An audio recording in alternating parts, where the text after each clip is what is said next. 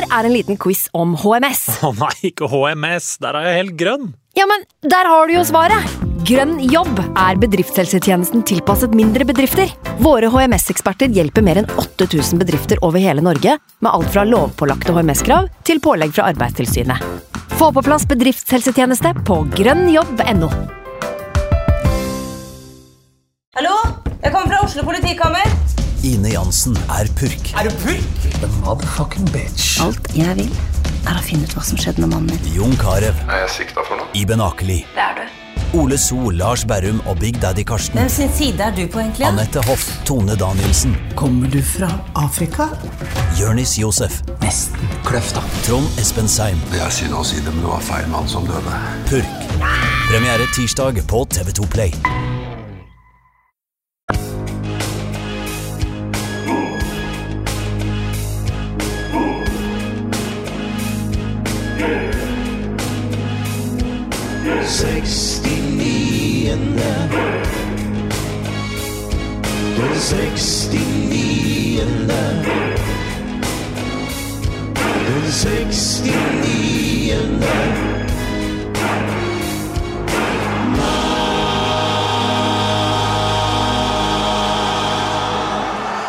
240 kamper, 748 skåringer, én seriemester, to nedrykkslag. Vi har fått dramatikk, solskinnshistorier, bitende kulde, trenerbytter, overgangsvindu, VAR-skandaler, ventetid, clear and obvious og artig og angrepsvillig fotball. Sesongen 2023 er over. For eh, 13 lag. For Europacup, cup og kvalik gjenstår. Velkommen til episode 65 av Den 69. mann. Mitt navn er Snorre Felldal. Jeg er endelig tilbake i eh, programlederstolen. Og da gjør jeg som eh, jeg alltid gjør, og det er å få inn Jonas og Frank. Og på et eller annet tidspunkt gi ordet til Jonas, så han kan lede dette eh, shitshowet videre. Men uh, hvordan står det til, gutter? Har dere fått landa etter runden i går? Ja, fe- alt av gullfeiring er tatt eh, hånd om, så nå er det bare å forberede seg på enda mer fest til helga som kommer med cupfinale. Så for min del så har jeg fortsatt litt igjen av sesongen. Mm.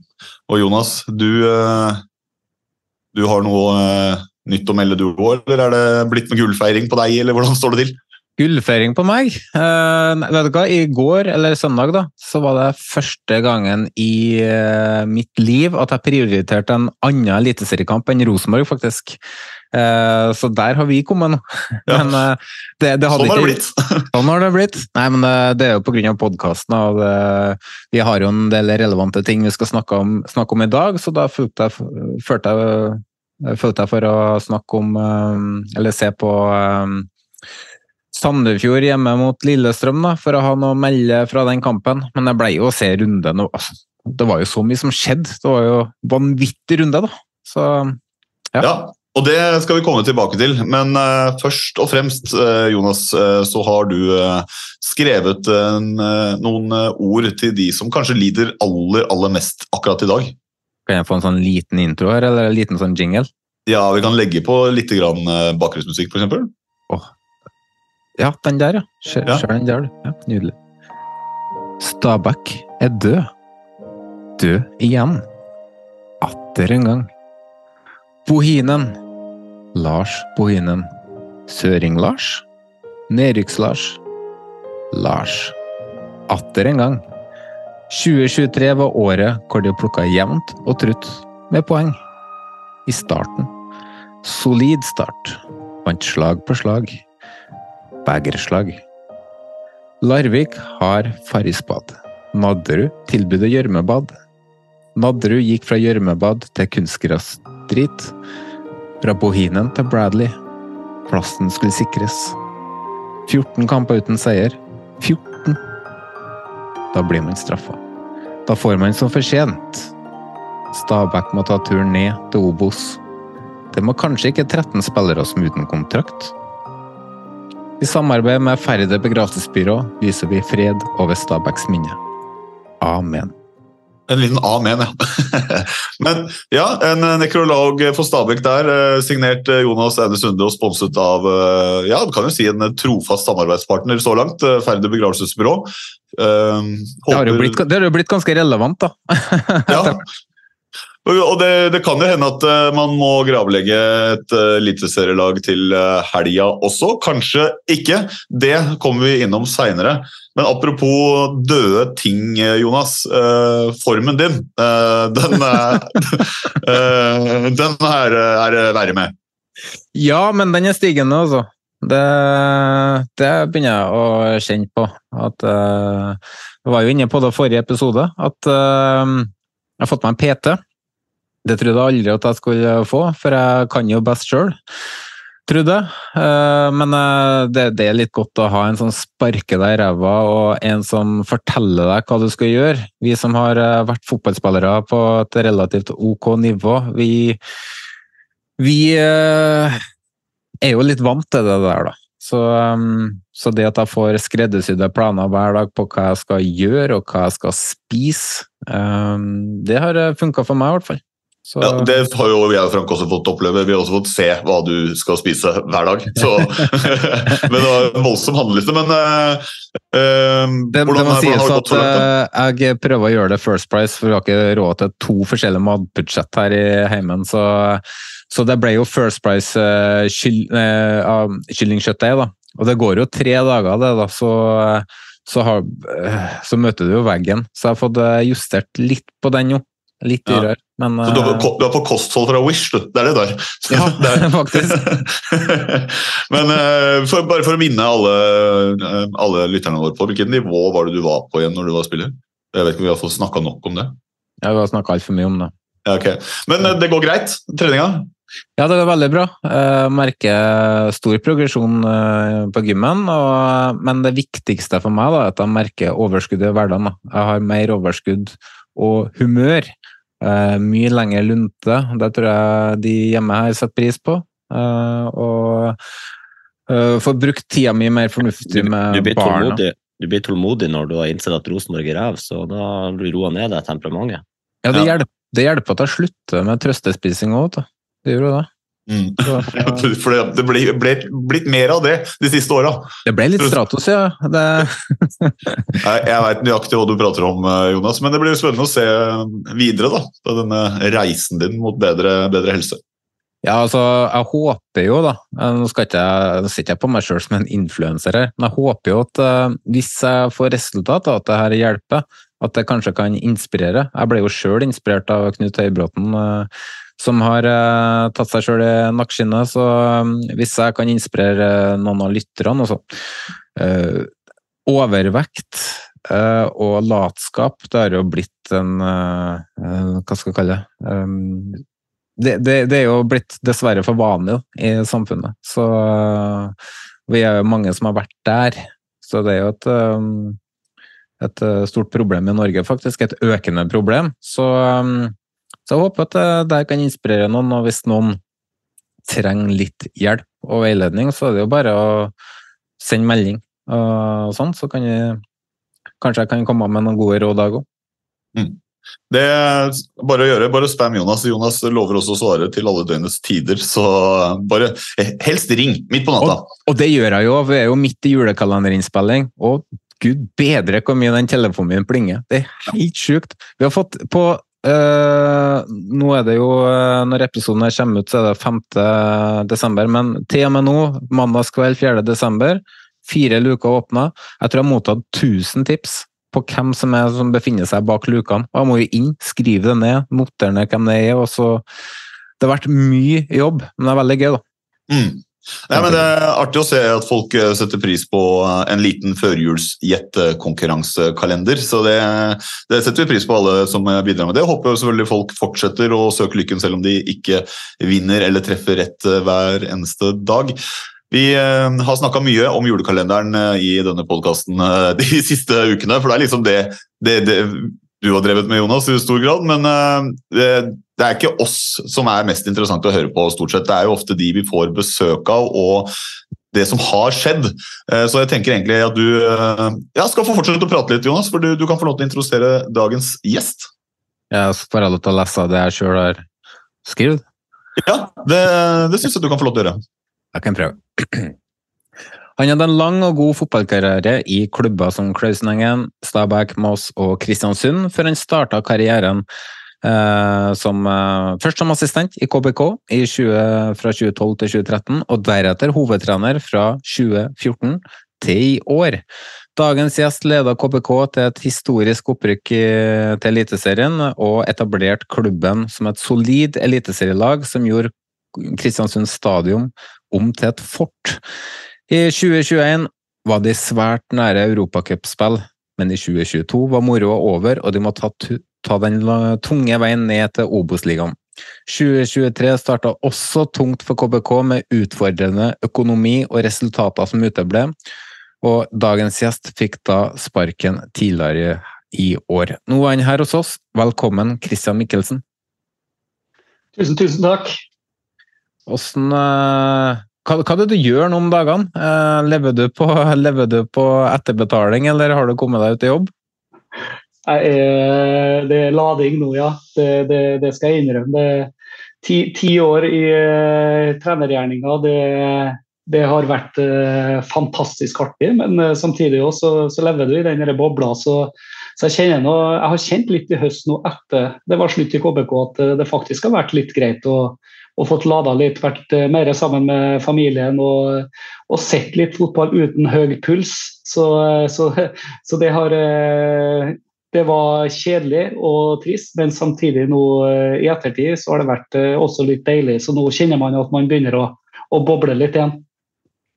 Føler, er det sånn at når du har vært ti år da, i en klubb, og så assistent for de, og det har jo vært eh, mange år eh, hvor du har vært aktiv i fotballen, Kjenner du da på en sånn tomhetsfølelse når det plutselig er over?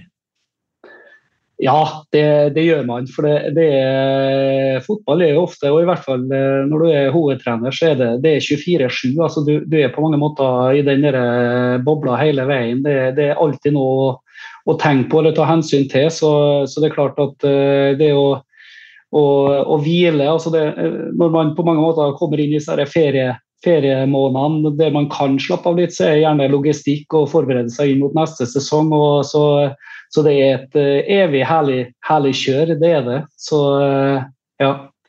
Ja, for det har jeg alltid lurt på. Uh, sportslige ledere og trenere, gjerne de som har ansvaret for logistikken, planlegging til neste sesong, scouting, innkjøp av spillere. Når i all verden har dere trenere egentlig ferie?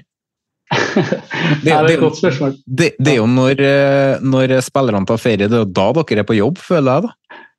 Ja, det, det, er i hvert fall da er vi eh, i planleggingsfasen og kartlegging. Og det å, det å forsikre eh, En trener er jo avhengig av, av, å ha et så godt lag tilgjengelig som mulig for å, for å, oppnå de resultatene som både han sjøl og, og klubben ønsker. så det er klart at Derfor ønsker vi også å, å være med og, og, delta i den type planlegging og, og logistikkarbeid. For det, det, blir bare viktigere og viktigere i, i fotballen. Så, og Det er jo det du interesserer deg for, det er jo det du brenner, brenner for. Og du, du, ønsker jo å vinne fotballkamper, du ønsker å utvikle alt uh, av spillere fra de er, fra de er unge til de er medium til de er gamle. Så, altså gamle i den forstand at uh, kanskje piken begynner å peke litt, litt, litt, mer, og man kan ikke trene like hardt lenger. Så, så det er veldig interessant, uh, hele greia. Så, uh, men det er klart, du snakka litt om den omstillinga fra liksom å være, være, i det til plutselig å ikke være i det.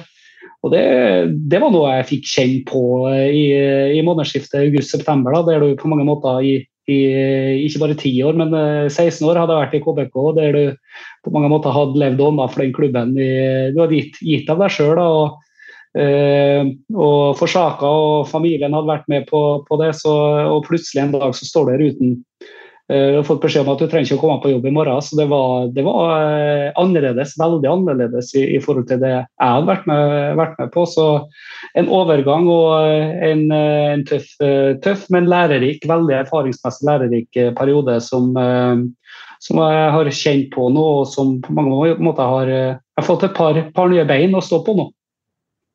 Jeg, bare, jeg bare, tenkte Hvis du kunne prøve å gi et innblikk i sånn, Du sier det er 16 år med eh, innsats, og så får man beskjed om å ikke møte opp. Den første dagen der, eh, når man liksom ikke skal på jobb, hva, hva gjør man den dagen når man eh, liksom ikke har den eh, ja, basen som man har gått i hver dag i 16 år, å gå til eh, lenger? Hvordan fyller man den dagen? det var veldig rart.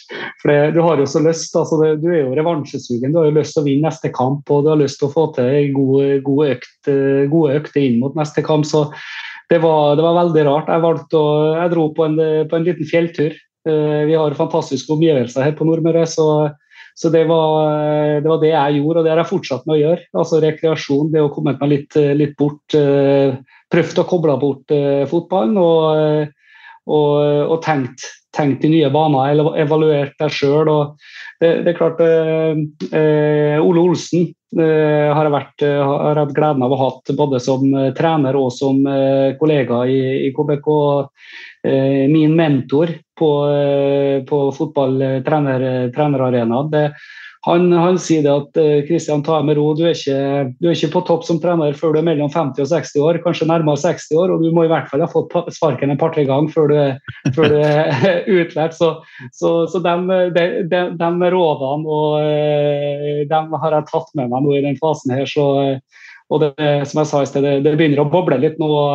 Og, man, man, man, følger mer og mer med igjen. Mm. Det er jo bra, for for det er jo ikke alltid det stemmer at man er på topp når man er 65-60 heller. Fordi vi ser jo en liten trend i norsk fotball nå, da. Håper jeg i hvert fall, da. På at eh, de trenerne som ofte har gått litt på rundgang, kanskje nå ofte har blitt erstatta av yngre. Og nå ser jeg fortsatt på deg som en ung trener, da, Kristian, bare så det, så det er sagt. Det er bra. det er bra. Men jeg tenker mer på at man ser Rosenborg nå, f.eks., som er ute etter en fra, fra akademiet til, til eh, FCK.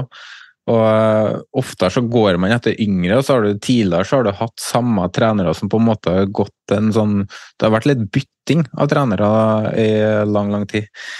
Um, og det min uh, Det jeg tenker da, er jo at de trenerne som er aktive nå, som gjør det best, er jo de som er mest nysgjerrige. da de som eh, er opptatt av å lære av andre og tenker at eh, de sitter med en god, ikke fasit, men en god håndbok sjøl, men som er opptatt av å kanskje hente inn litt inspirasjon og følge med på trendene som er i fotball, og være med på den utviklinga. For herregud, hvor mye utvikling som er i internasjonal fotball nå. Så jeg vet ikke om du har brukt tida di uten jobb til det, og, og skikkelig trender, og se hva andre trenere gjør, og det taktiske og det der. Sitter du og ser kamp og noterer om taktikktavle og sånn, eller? Eh, jeg er nysgjerrig av natur, eh, og jeg er alltid ute etter å bli bedre. Eh, og jeg er alltid noe så enkelt som uh, det å komme på trening bare for å være med på en trening. ikke, Da kaster du bort en trening, så det, man må komme på trening for å bli litt bedre. og Det er akkurat det samme som en, en trener må jobbe også. Det, det, som var godt nok i går, det, det er strengt tatt uh, fort ikke godt nok i morgen. så Du må være på alerten, du må være søkende etter å utvikle deg. og Bestemann i klassen eh, det er, det er noe helt sikkert om Guardiola, som er en nerd på akkurat det. Da, som sitter og, og er briljant på, på, det å finne opp eh, både hvordan eh, få maks ut av eget lag, men også hvor, skal, hvor svakhetene og, og mulighetene er hos lagene han møter. Så det, nei, det er helt, helt avgjørende. Også, en annen ting også, er at det blir jo bare viktigere og viktigere med disse teamene Altså, man kan snakke om uh, hovedtreneren og uh, alder, uh, alder, på disse trenerne, men teamet blir jo bare viktigere og viktigere. Og det å ha gode kollegaer rundt seg, det med komplementære ferdigheter, det blir, det, blir, det er helt avgjørende etter hvert. For det, det, er så små marginer som på mange måter skiller det, skiller det å virkelig lykkes kontra det å nesten lykkes. Og, og da blir det fort enten suksess eller fiasko. og så jeg tror eh, der, der ser man nå en trend. da, at eh, Der man tidligere på mange måter hadde en eh, høvding på toppen som satt og bestemte alt, så er det mer suksessrike team. Noe som, som fungerer. og det, det, har vært kjempeartig å følge Viking, f.eks. Som både Viking og Sandefjord i norsk fotball nå, som, som har en duo som, som, som trener lagene. Så det kan godt hende at det også blir noe som blir mer og mer vanlig etter hvert. Jeg er litt eh, glad du sier at du er nysgjerrig. Eh, for det har jeg sagt tidligere i podkasten at det er den viktigste egenskapen en eh, fotballtrener har. Så den faktisk er nysgjerrig. Um, og så er du inne på det med team, da. At jeg mer, og mer, eller oftere ser at det er team og større og større trenerapparat. og Det tror jeg har litt med at det er mye mer kompetanse nå blant trenere i Fotball-Norge. Og vi ser at en trener som får sparken, om det er så i andredivisjon, om det er i Obos, så hvis de ikke har et navn, så er det jo nesten umulig for de å få nye trenerjobber. Det kryr av trenere rundt i Fotball-Norge som bare venter på en mulighet, og som må bare ta den de får. da. For eh, Vi ser jo bare hvordan trenere som er i nedover divisjonssystemet nå, at det er, det er mye bra. Så, så det, akkurat nå er det en tøff bransje å, å være i. Men eh, apropos team, vi har jo hørt et uh, rykte som går på deg. Uh, har, du, har, du, det, ja?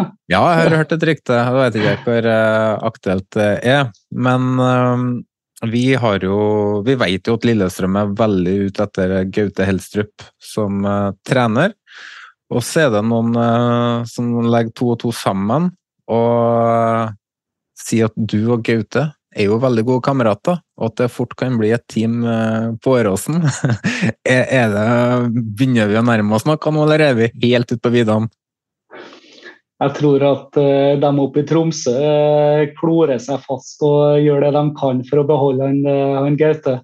Så, og det, det, han har gjort nå i, i, Tromsø i år, og det de har fått til, og det, det han har løfta dem til, da, er så spennende for han at jeg tror det skal veldig mye til. Uavhengig av spørsmålet du stiller, så tror jeg det skal veldig mye til for at han Gaute beveger seg. Men jeg skjønner at Lillestrøm med flere kunne tenkt seg ha sine tjenester. Ja. Ja, det var når vi hørte det der, så var det få som trodde at det skulle holde helt inn til medalje for Tromsø. Da. Så det var noen uh, borti, bortpå der som var ikke sikker, men jeg hadde store forhåpninger om at uh, Gaute han kommer inn uh, til Lillestrøm etter sesongen, og da er kanskje i team med deg, og det hørtes jo veldig Det hadde vært et kult, kult team, da. Kristian, eh, vi har fått et spørsmål fra en eh, Bjørn Rudsagen. Han lurer på om du har noen konkrete klubber i eh, horisonten du ser på, som mulig jobber for deg? Jeg kan vel si sånn at det begynner å krible i kroppen. Det gjør det. Så, og det er klart at man har lyst, lyst til å komme i gang, i gang igjen. Også, timing er viktig, riktig klubb er viktig. Og så er jo en sånn at det er det som er veldig eh, ekstra spennende for min del nå, det er at jeg, jeg, får anledning til å prøve meg i en annen klubb enn KBK. Eh, og det har jeg jo, eh, har jo vurdert eh, ved et par, eh, par, anledninger tidligere om, om, eh, om, man skulle ha gjort det, men man har valgt å bli KBK av lojalitet og, og det man så var mulig i, i den klubben. Men vi får se, vi får se nå. Det, det rører seg rundt omkring. og og ja, jeg, jeg, jeg, trenger, jeg trenger jobb. Vi, vi, får ikke fiska ut en klubb av deg nå, men da får vi følge spent, spent, med videre, da. Ja, ja da. Jeg, skal, jeg, sa jo det i sted, òg, det, det, har vært godt nå faktisk å lade litt batteriene. Det, det, har det. Så, eh, og da kjenner jeg at, eh, at kroppen, kroppen, begynner å lysle igjen, og at hodet, hodet har veldig lyst til å, både hodet og kropp har lyst til å, å komme i gang. Så, så det, blir, det, blir, nok en spennende tid både for meg og mange andre nå i, i den tida som kommer. Ja, for Vi som følger veldig godt med på Eliteserien, da, eh, vi kunne jo se at det var litt annet ansiktsuttrykk på det mm, i fjor kontra 2021. Jeg tenker, Var det etter Rosenborg-seieren? Eh, da var du og KBK veldig høyt oppe. Det var første gangen dere turte å nevne ordet Europa og så gikk det egentlig nedover etterpå, og du så jo, du så jo mer prega ut uh, året etter, og det var jo ikke så rart, for dere, det var jo verst tenkelig start på sesongen, egentlig. Klarer du å beskrive forskjellen på hvordan det var å være Christian Michelsen i 2021 kontra 2022? Det er lov å bruke sterke ord, eller? Ja, her er det alt lov. i, i fotballen og i, også i min tid som, som, trener, både spiller og trener, men spesielt trener, da, det, det er himmel og helvete. Det, mm. det er det. Og, uh, men så skal jo sies at i åtte og et halvt av de ni og et halvt årene jeg hadde, var, hadde gleden av å, å lede KBK, da, så, så, var jeg jo nesten opptur hele, hele veien. Og så kom det fjoråret med, med diverse ulike utfordringer. Vi, vi hadde jo på, uh, jeg, jeg, er ikke den som leter etter unnskyldninger. Jeg er mer den offensive som, som leter etter muligheter. Men det er klart vi hadde, vi hadde fem stopperskader på samme tid i fjor. Og, og det, det, er helt ekstremt. Vi hadde ikke midtstoppere tilgjengelig. Og det er klart, det, Da kom vi inn i en litt sånn Ja, du, du, du, du kom i veldig ond sirkel som, ble, som vi på mange måter vi jaga og ønska å komme ut, men uh, da var den derre Eh, vi har ofte snakka marginer, stang inn, stang ut, eh, flaks, ikke flaks. Altså det, det, er kvalitet til syvende og sist. Det er kvalitet og dyktighet det går på. Da var vi ikke dyktige, dyktige, nok til å komme ut av det, og det tok for lang tid. Og så Samtidig så har vi jo den høstsesongen som er nesten eh, fantastisk. Vi, da samler vi omtrent 20 poeng. og, og 20 ganger 2 er jo mer enn godt nok til å stå i en divisjon. Eh, og det mange ikke tenker på i, i, med den høstsesongen, det er på mange måter det, alt som ligger mentalt. For I en normalsituasjon der, der man uh, bare skal spille 15 kamper, så er ikke, så er ikke all verden av, uh, Da er ikke kjempeimponerende nødvendigvis å ta 20 poeng. Men det er klart hvis du omtrent står med null poeng og vet at du må ta de poengene, og at du nesten klarer å komme deg helt i mål, det, det var, jeg var utrolig imponert over guttene og, og den måten de de angrep den høstsesongen eh, sammen eh, med, med meg og teamet mitt på, så, så det hadde vært uh, vi kalte vel et eller annet tidenes escape. Altså det, Great det, det, escape som fyller Fulham. Ja, ja, så det, det, hadde vært sinnssykt. Men uh, nei da, så det, det var uh, Sweet Caroline i 2021 etter Haugesund, var det. Og det var jo vel Da tror jeg vi hadde vunnet på overtid to kamper på rad, to helger på rad. Og det er mm. klart, Da var det en, en helt sjuk ut av, ut av kroppen-følelse. og da, da, tok det av. Men det var da han Edøy, han lokaljournalisten, som begynte å snakke om Europa. Så, men han, han har nå overskrifter han lever av, og det er jo det, det han har vært på hele veien. Norges Så, mest kjente lokaljournalist, det er jeg sikker på.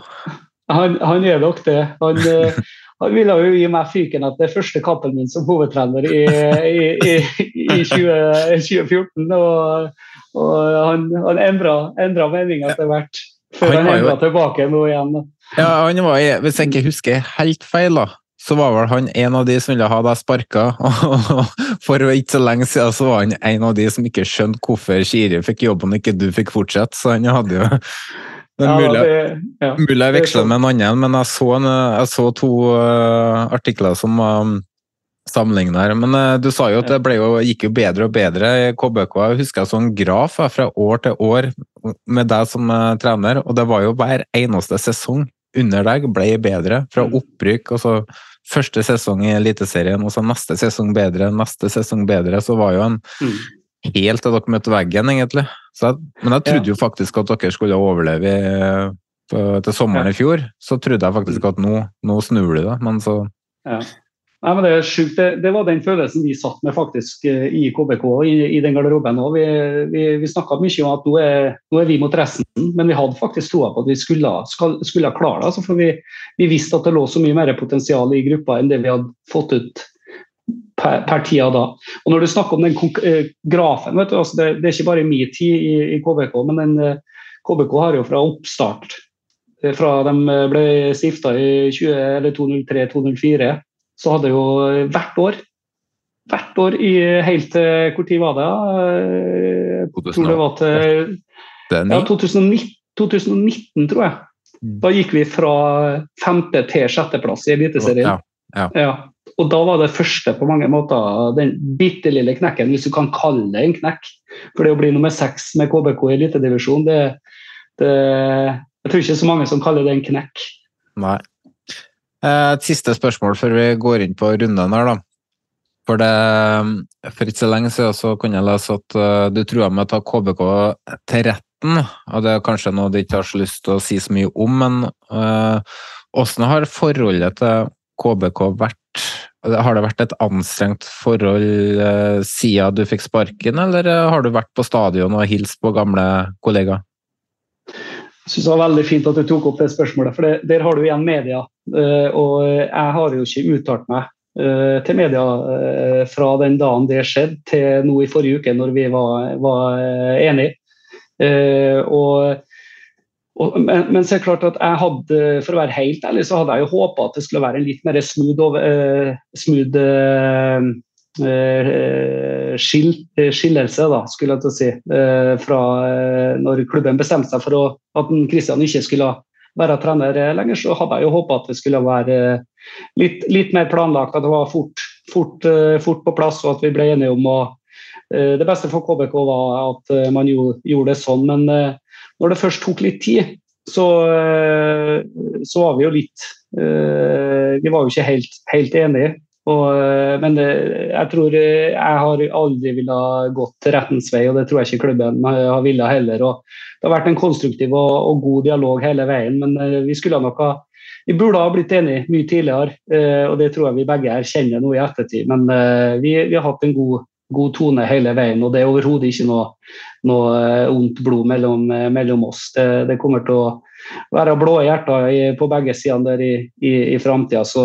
Men, men, jeg skal innrømme det at nå når man endelig ble enig, så var det en befrielse på mange måter. For min del, for nå, nå vet jeg nå, nå er den tida over. Nå kan jeg begynne å stake ut en, en egen og ny, ny kurs, og det, det har gjort godt. Vi skal snakke litt mer om KBK etterpå, ikke sant Snorre? Ja, merkelig nok. Merkelig nok så har de lurt seg inn på tampen av programmet. Men før vi kommer dit, så er vi nødt til å se på det som ja, mange omtalte som en spinnevill runde 30 av årets eliteserie.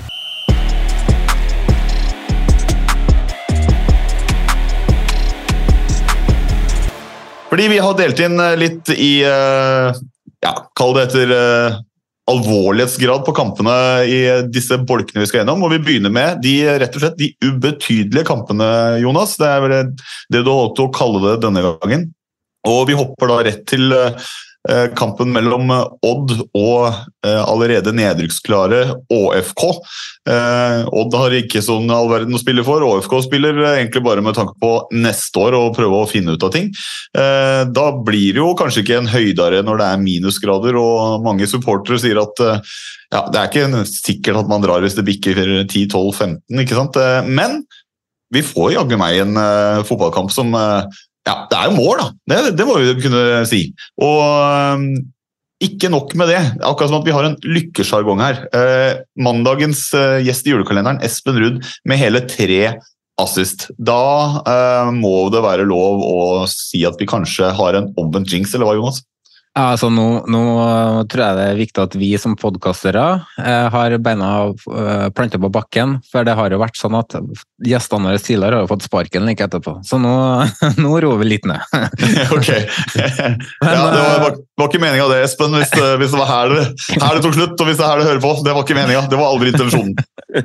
Nei, men uh, Odd har jo Vi har jo, jo klaga veldig mye på Odd i år, på at de har vært uh, det kjedeligste laget i Eliteserien. Uh, og ikke bare um, Altså, hver kamp Odd spiller har vært gørr kjedelig, fordi at de har vært ekstremt bra til å forsvare seg. Ligger dypt, kompakt, stenger rom, hindrer målsjanser. Eh, ikke vært interessert i eh, noe som heter høyt press i det hele tatt. Faller alltid tilbake i ramma. Og offensivt så eh, har det òg vært traust. Det har vært lite skapende, få mål, få målsjanser. Men det de egentlig trengte, var jo egentlig de betydelige kampene. For i de siste to kampene så har de jo skåra åtte mål. De har jo Jørgensen, som virkelig, sammen med Nore Ingebrigtsen, har senka skuldrene og, og skaper både mål og målsjanser. De sender langt flere spillere framover på banen. Det er mye mer fart i de, mye mer besluttsomhet, eh, kontringsvilje.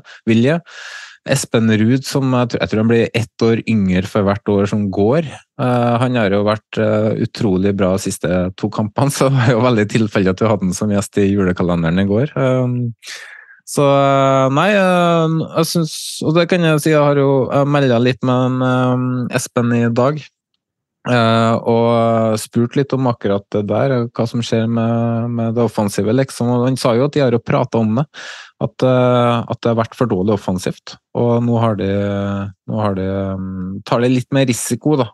Og da ser du at det er jo, det er jo et lag med gode fotballspillere. Så det er godt å se, så får vi se om de tør å gjøre det når alle lag starter på null poeng neste år. da. Ja, det er for det, er det da. Men uh, du og Christian, har du uh, sett uh, noe særlig til Odd i år og kan stelle deg bak Jonas sin kjedelige karikatur av, av det fotballaget, eller syns du det er mer spennende i Odd enn det de kanskje har fått kreditt for så langt? Jeg syns han Hva het han med det med store håret, som fikk veldig mye oppmerksomhet i starten av sesongen? Ja, så De har jo hatt et par profiler som har uh, satt dem litt uh, Som har uh, fått litt oppmerksomhet. Så nei, jeg synes, Odd på sitt beste syns jeg er et, et, bra dag, og en Paco gjør en god jobb der. og snakker, Jeg snakker jo litt med en Flamur Kastrati som er med i teamet der av og til. og det, det, jobbes riktig og stein på stein. og det er klart Fagermo som var i så mange år, det er ikke bare bare å ta over den stafettpinnen heller. så, så nei da, Odd, og de har nå hatt sine Eh, utfordringer med økonomi og, og sånn de siste årene, dem òg. Så jeg syns de eh, gjør en god jobb. Og Nå er de i grønn sone etter forrige overgangsvindu, for de har jo under Paco faktisk begynt å solge spillere. Det gjorde de alle under Dag Elev, da gikk de som regel ut kontraktstida, så de har jo tatt uh, steg. Uh, men uh, Frank har jo kritisert Odd Midtskogen på toppet tidligere i år, og sagt at han ikke er Hva det var jeg meldte, meldte før sesongen, så meldte jeg det at jeg blir overraska hvis Midtskogen står med over fem mål i år. Men jeg syns jo, jo, Odd nå har en av de mest spennende spisstalentene i Norge, i Faniel Tevelde. Ja, men han starta ikke i går, fordi de henta jo inn Tobias Svendsen i, eh, i, sommer fra Lillestrøm. Og Nå så ikke jeg kampen, da, men jeg ser jo på lagoppstillinga at han var jo oppført som en falsk nier. Så med, med Jørgensen, Svendsen og Ingebrigtsen på topp, så får du jo tre fotrappe og bevegelige spillere. Så det kan hende at det er det som har gjort litt utslag for Odd de eh, siste to kampene. Men det var jo i hvert fall et uh, kjedelig uh, siste sorti for Ålesund. Det var litt sånn som det har vært egentlig hele året, litt sånn kasteballopplegg. Eller Kristian, uh, hva skal Ålesund ta med seg fra den kampen der og ned i Obos? Jeg må da si jeg er fantastisk overraska over at de har omskolert en eh, Mido til å bli en stopper. Ikke en forsvarssjef. den, den, så ikke jeg. Så nei da, Ålesund har eh, det, det, som er litt sånn forunderlig med fotball nå, da, vet du, det, Ålesund er jo egentlig en, en, klubb som har et potensial til å, til å være en eh, etablert, god, god eliteserieklubb. Så, så det er klart de har hatt, hatt noen utfordringer. Og, men jeg syns Lars Arne gjorde en fantastisk jobb i fjor. da, eh, og, og klarte å, å, få dem til en sikker plass i, i eliten. og eh, jeg vet ikke om jeg ja, Spiller for spiller, det, det kan godt hende at ja, de overpresterte i fjor, og at de møtte mer hverdagen og realiteten i, i, år. Og så, Jonas, du var inne på det. Diogo Thomas. kultfiguren der, og du også, Christian. Men han er ferdig, han. Eh, og, og, takke for seg selv på ja, Diogo Thomas vis, eller hva, Jonas? Ja, jeg får delt ut håret sitt. så, det, det, er jo han eh, altså Det oppsummerer hele fyren. Altså han, han, eh, han, var jo fantastisk god, han. Uh, i vårsesongen Todd, når det stengte igjen, så kanskje fikk han litt for mye kred pga. at de hadde en Valstedt som uh, redda utrolig mye baki der. og Da står det ofte null i målprotokollen, og da blir plutselig stopperne gode, gitt. Men uh, men uh, han har jo hatt en uh, veldig nedadgående kurve utover uh, året her, da. Og det er jo litt synd, for det er jo sånne kultfigurer vi har lyst til å ha i norsk fotball. Vi snakker jo om Emil Baron ennå, vi snakker jo om Saad Dramovic og de der som var langt utafor den A4-boksen. Jeg syns norske fotballspillere har, en, har, har, fått en tendens da, til å bli veldig kjedelig, så det var en berikelse å få en sånn spiller inn i Eliteserien. Mm. Apropos uh, berikelse. Uh, denne kampen vi skal over til nå, var vel på ingen måte en berikelse til verken uh, runden eller kanskje denne podden, men vi må innom det. Molde tar imot HamKam til Moldes uh, siste hjemmematch for uh, eliteseriesesongen.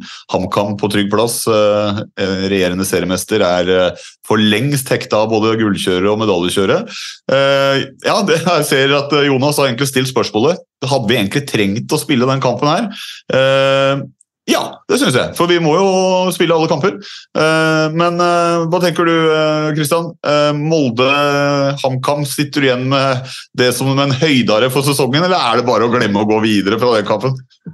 jeg tror i hvert fall at, at Erling og Erling Moe og gjengen de, de har neste helgskamp i, i, bakhodet. Og, og, det er klart det er også en utfordring altså når, du, når du ikke kan bli verken bedre eller dårligere sånn tabellmessig, så, så er det da tenker man også kanskje neste kamp, eh, kanskje gi noen andre spillere litt spilletid for å holde, holde trykket opp på trening osv. Men eh, jeg syns det var vel så spennende med eller HamKam. da, De hadde vel 0-10 eh, målforskjell på de to siste bortekampene mot Molde, ettersom jeg, jeg tror jeg hørte en eller annen plassen. Eller om en av dem var treningskamp, for jeg var og så dem i vinter, tror jeg det var. Da ble de jo grusa 5-0 eller noe sånt i, i Molde. og For deres del så var det en, en positiv opplevelse, vil jeg tro. Mm. Ja, Det er ikke noe tvil at KamKam de, eh, når det kommer til å spille med senka skuldre, så har de virkelig kunnet gjort det, eller hva, Jonas? Jo da, men litt tilbake til Molde, da. Bare for, for Hvis vi kan avslutte for å gjøre som TV 2. De hoppa jo nesten over den kampen i går. Men uh, jeg tror det ja, viktigste det, for, det kan man si. Jeg tror det viktigste for uh, Molde i kampen her, eller det som spillerne har i bakhuet, ikke bli skada. Det tror jeg er pri én og da, og da er faktisk Eliteserien såpass jevn at da, med den innstillinga, da vinner ikke du fotballkamper i Eliteserien. Men, men å ha den innstillinga, så går du inn i treningsuke inn mot en cupfinale. Vil ikke du senke intensiteten og trykket i spillet ditt? da? Er ikke det en litt sånn, ei felle de kan gå i før en cupfinale? da? Jo. Det kan jo, kan jo treneren svare på. Ja, øh, jeg, jeg, tror mer på den at uh, når man ikke har nødvendigvis å spille for uh, altså det, den, den, femteplassen var sikra.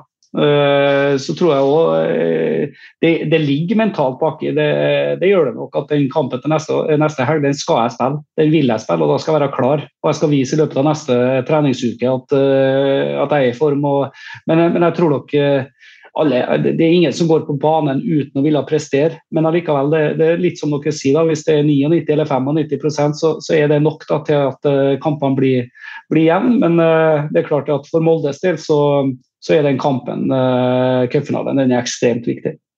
Hvordan vil du da si, fordi Vi har jo fått noen tilfeller av de kampene i år hvor ett lag har noe eller alt å spille for, og så er det ett lag som har absolutt ingenting.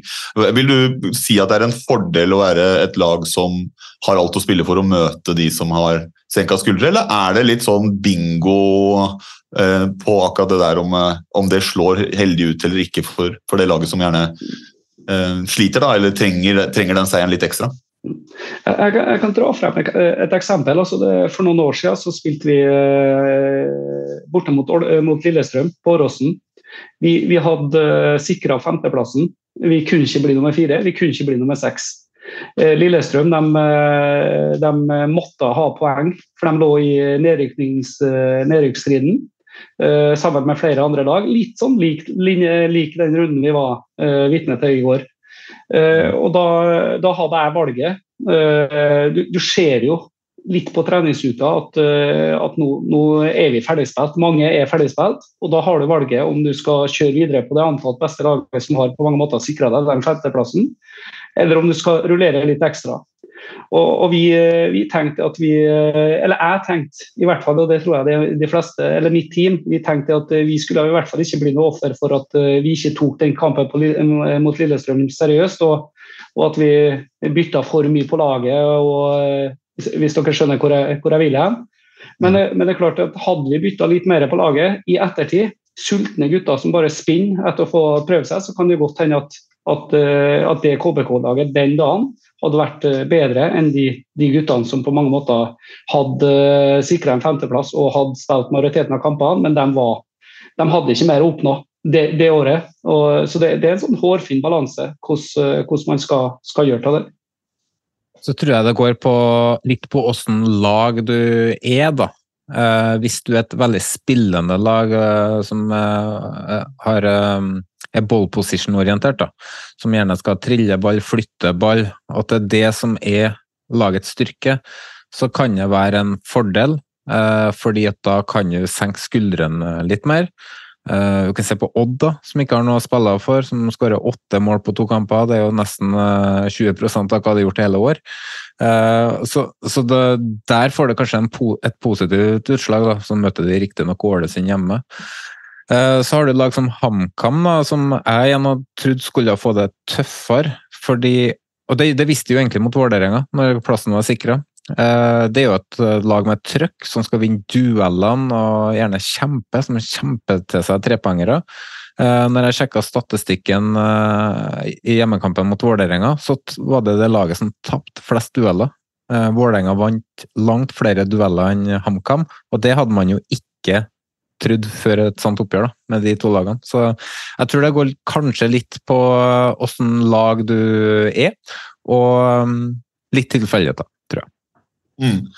Uh, før vi avslutter med Molde-Kamma-segmentet, vi var jo innom det. De har jo en uh, aldri så liten gulrot, de også, sammen uh, med ditt kjære Glimt, Frank.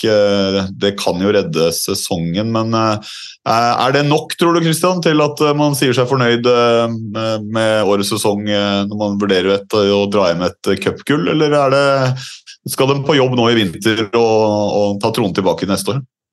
Helt sikkert. Helt sikkert det siste. Så, så det, og det, det, er klart man må også tenke på uh, Molde de har hatt. Uh, de har vært gode nå i mange, mange år.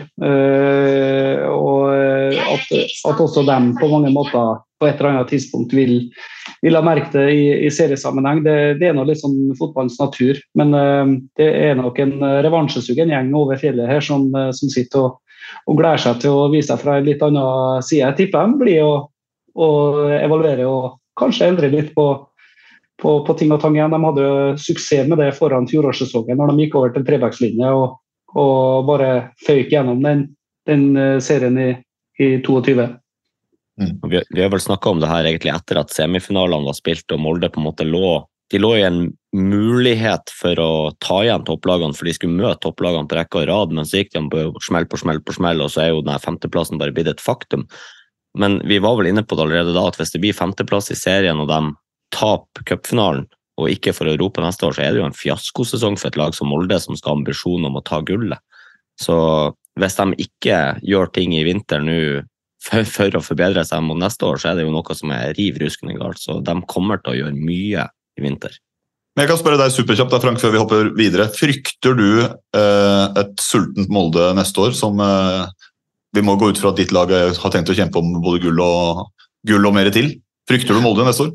Ja, Skal vi drage oss over på et sånn kamikaze-tips nå i forhold til hvem som blir å kjempe om gullet, så vil jeg jo si at Molde er et av en tre-fire lag som kommer til å være oppi der. Det tror jeg.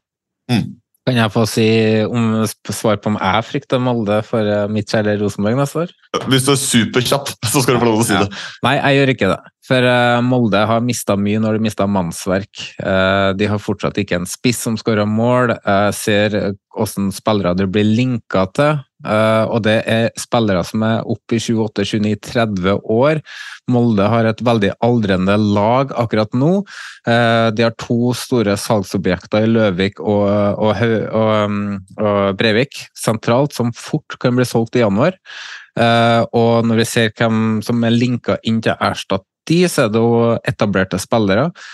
Jeg tror at Molde gjør klokt hvis de tar to steg tilbake og tar et, bruker et år på å bygge opp igjen. For det Molde er kjent for, det er å plukke de største talentene i Norge, gjøre de enda bedre, få det til å fungere som et kollektiv, så selger de til utlandet, hvor de lykkes. Eh, den oppskrifta har de nå gått bort ifra med å hente etablerte spillere, og nå lykkes de ikke. Det her har vi jo sett i Trondheim tidligere. Ja, et klassisk kort Jonas eh, Sunde-svar der også. Vi går videre. vi eh, hopper til eh, den eh, siste av de ubetydelige kampene. Det ble Glimt-Sarpsborg som får æren av å avslutte de ubetydeliges bolk. Men kanskje ikke helt ubetydelig likevel, fordi gullet skulle jo deles ut, Frank. Du var ringside, du. Vi kan jo starte med å spørre, er det bedre å feire gullet når man får pokalen, eller er det den når det er sikra? Hva er best? Nei, altså vi hadde jo Vi organiserte jo en egen fest eh, den eh, runde, etter runde 28, når gullet ble sikra på hjemmebane. Så kjørte jo vi virkelig på og feira. Sånn at jeg, jeg, jeg til kampen i går, men man kunne tro at det var pga. den festen fortsatt. For den det var hardt, for å si det sånn. Og det er jo da du får euforien, og det er da du får den ordentlige gledesutbruddet i det. Vi storma jo baner, og det var jo tårer og alt det du skal ha når du er på det gladeste. Så jeg, jeg, jeg så den tweeten til Niklas om det der, at uh, det beste er jo å få en ordentlig feiring når du, den dagen du vinner gullet, og ikke få en sånn kunstig tilgjort NFF-regifeiring sånn som det ble nå. Men jeg skjønner jo også NFFs side i det her, for det er jo snakk om spillere som kanskje har én eller to kamper for å få godkjent at de får den medaljen. NFF vil jo ikke dele ut medaljene, og så plutselig må de begynne å ettersende medaljer i posten for at eh, spillerne har spilt den i siste kampen i siste runde. Så jeg ser begge sidene av saken, men ja, den beste festen er når du står i det, og ikke i regi på slutten. Mm. Men eh, kampen i seg selv, da. Eh, hva vil du si der? Det var vel litt, litt som man har sett tidligere, eller? At det var vel en grei fortjent seier til Glimt? Ja, altså kampen i seg sjøl er egentlig ganske sånn oppskriftsmessig. Glimt styrer det meste, men Sarpsborg er ikke noe dårlig lag. Det er to lag som har lyst til å angripe, og det skapes mye sjanser. Altså, det jeg egentlig tar med meg fra kampen som i, i den store linja, er jo han Pellegrino som tar uh, mål, eller denne poengrekorden da, med, med skåring. Altså, så han fikk ikke kreditert assist på den uh, returen han Sugell setter i mål, mens han Ruud som skyter, og så blir det satt inn retur på Ruud sitt skudd, får assist. Så jeg lurer på hvordan de regner det her med assister osv. Når Pellegrino ikke får kreditert assist på sitt skudd, som blir redda og satt i mål, så Ruud får det. så har han 38, det var sikkert? Jonas et kort svar på, så da spør vi det, heller deg, Christian. Hvor imponert er du over din tidligere elev Pelles rekord nå? Nei, Fantastisk. Det han har gjort de siste årene. Vi møtte han jo Første gang jeg opplevde Pelle, det var jo når han spilte på Bærum. Og når vi møtte, møtte han da, og da, Du så at han hadde etter, han var spesiell. da. Uh, og Det er klart det han har utretta de siste årene, er helt, uh, helt fantastisk. Men det, det, som er artig for uh, en tidligere KBK-trener i tillegg, da, det er at han Fari spiller spiss og en, Sondre Sørli spiller høyrekant. Så den, jeg var litt skuffa over at jeg ikke var invitert opp. til, til Kristian, Kristian, når vi var i, vi var i, i Tyrkia nå nylig, så, så tweeta jeg, jeg det her. Det må være rart for en KBK-supporter å se fronttrioen til Glimt herje med Besiktas.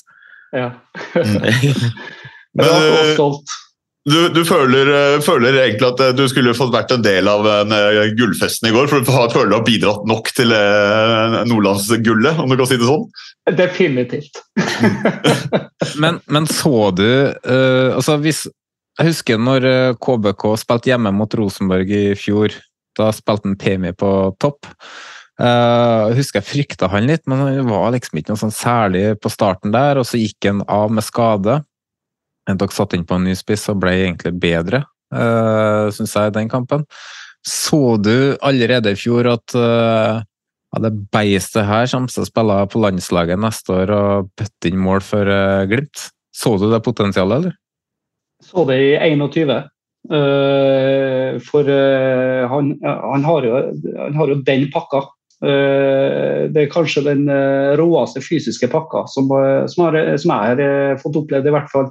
Og når du klarer på mange måter å finpusse metodikken og få den til å stå i balanse når han avslutter og springer riktig og enda jobber fortsatt med særlig relasjonene, så er det klart eh, det er utrolig potensial som, som, ligger der. og han, På et eller annet tidspunkt så blir jo han selv for over 100 millioner fra, fra Glimt, eh, garantert. Så, men, eh, men han, var litt, han, var jo også mye av grunnen til at vi snudde i, i fjor høst. At han kom tilbake fra et låne, låneopphold i Danmark der han ikke fikk spille noe i hele tatt. Så kom han til oss i trygge rammer. og og fikk, eh, når Moses Mava røyk akillesen, så var det naturlig at det var en Farris som, som, tok over den. og Han var, han var bedre, mye bedre enn mange øh, fikk med seg i fjor høst.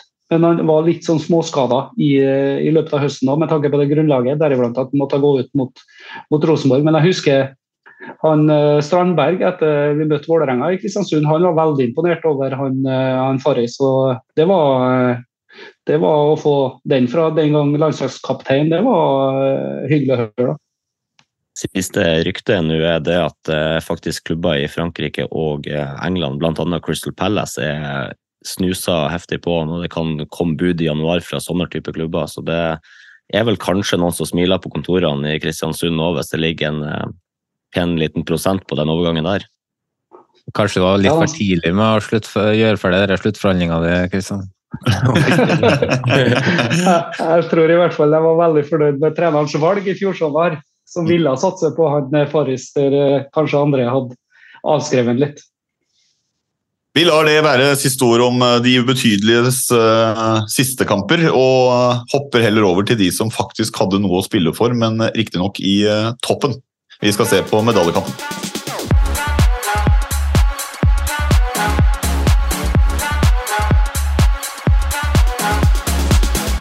Fordi 3-0 det kunne ført Brann ned på tredjeplass om ikke Viking hadde tatt en ja, en, Kall det en viking, da. Det ble to mål av Stengel som man selvfølgelig alltid kan glede seg over som godssupporter. Vollin, ikke minst. Eksepsjonell avslutning. Godset i form avslutter på, en, god, på en god stim. Men det holder for Brann, riktignok pga. andre kamper rundt, og det blir, blir sølv. Jonas, hva, hva, tenker du om, om det siste fra sølvlaget ved Brann? Tenker sånn I medaljekampen generelt så er det jo ingen som, det er jo ingen som har lyst til å spille i Europa neste år, virker det som. Uh, så, for det, det, var, det var skuff, skuffende siste, siste serierunde av uh, topplagene. Uh, jeg diskuterte litt med Frank i dag tidlig på det med minusgrader. Jeg husker ikke hvor mange minusgrader det var borti der, Frank. Var det 12-13 minus? Det var vel en plass litt over ti minus i Drammen ja. i går.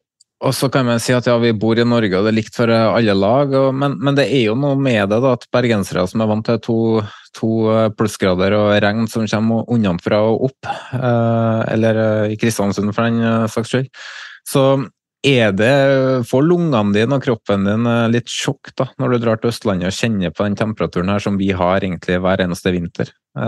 Det tror jeg kan være med å spille inn.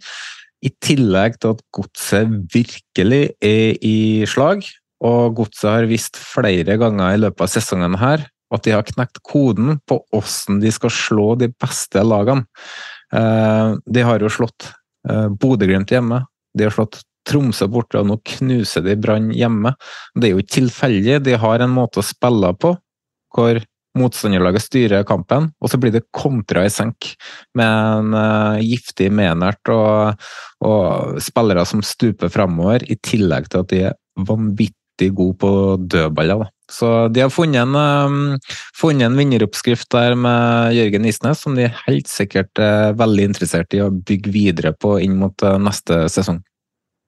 Og eh, Vi var inne på det, Viking tok en eh, Viking, det skal vi komme inn på seinere. Men det var jo en aldri så liten at eh, sånn som at Brann hadde lyst til å teste ut hva betyr det å ta en Viking, egentlig. Fordi det er jo en ja, Kall det, kall det Det er jo et, det er et stygt resultat når du egentlig skal gå ut der og sikre sølv, men eh, det holder. Kristian, hva tenker du, tenker du om, om Branns aller siste, siste 90 minutter for å sikre denne sølvmedaljen?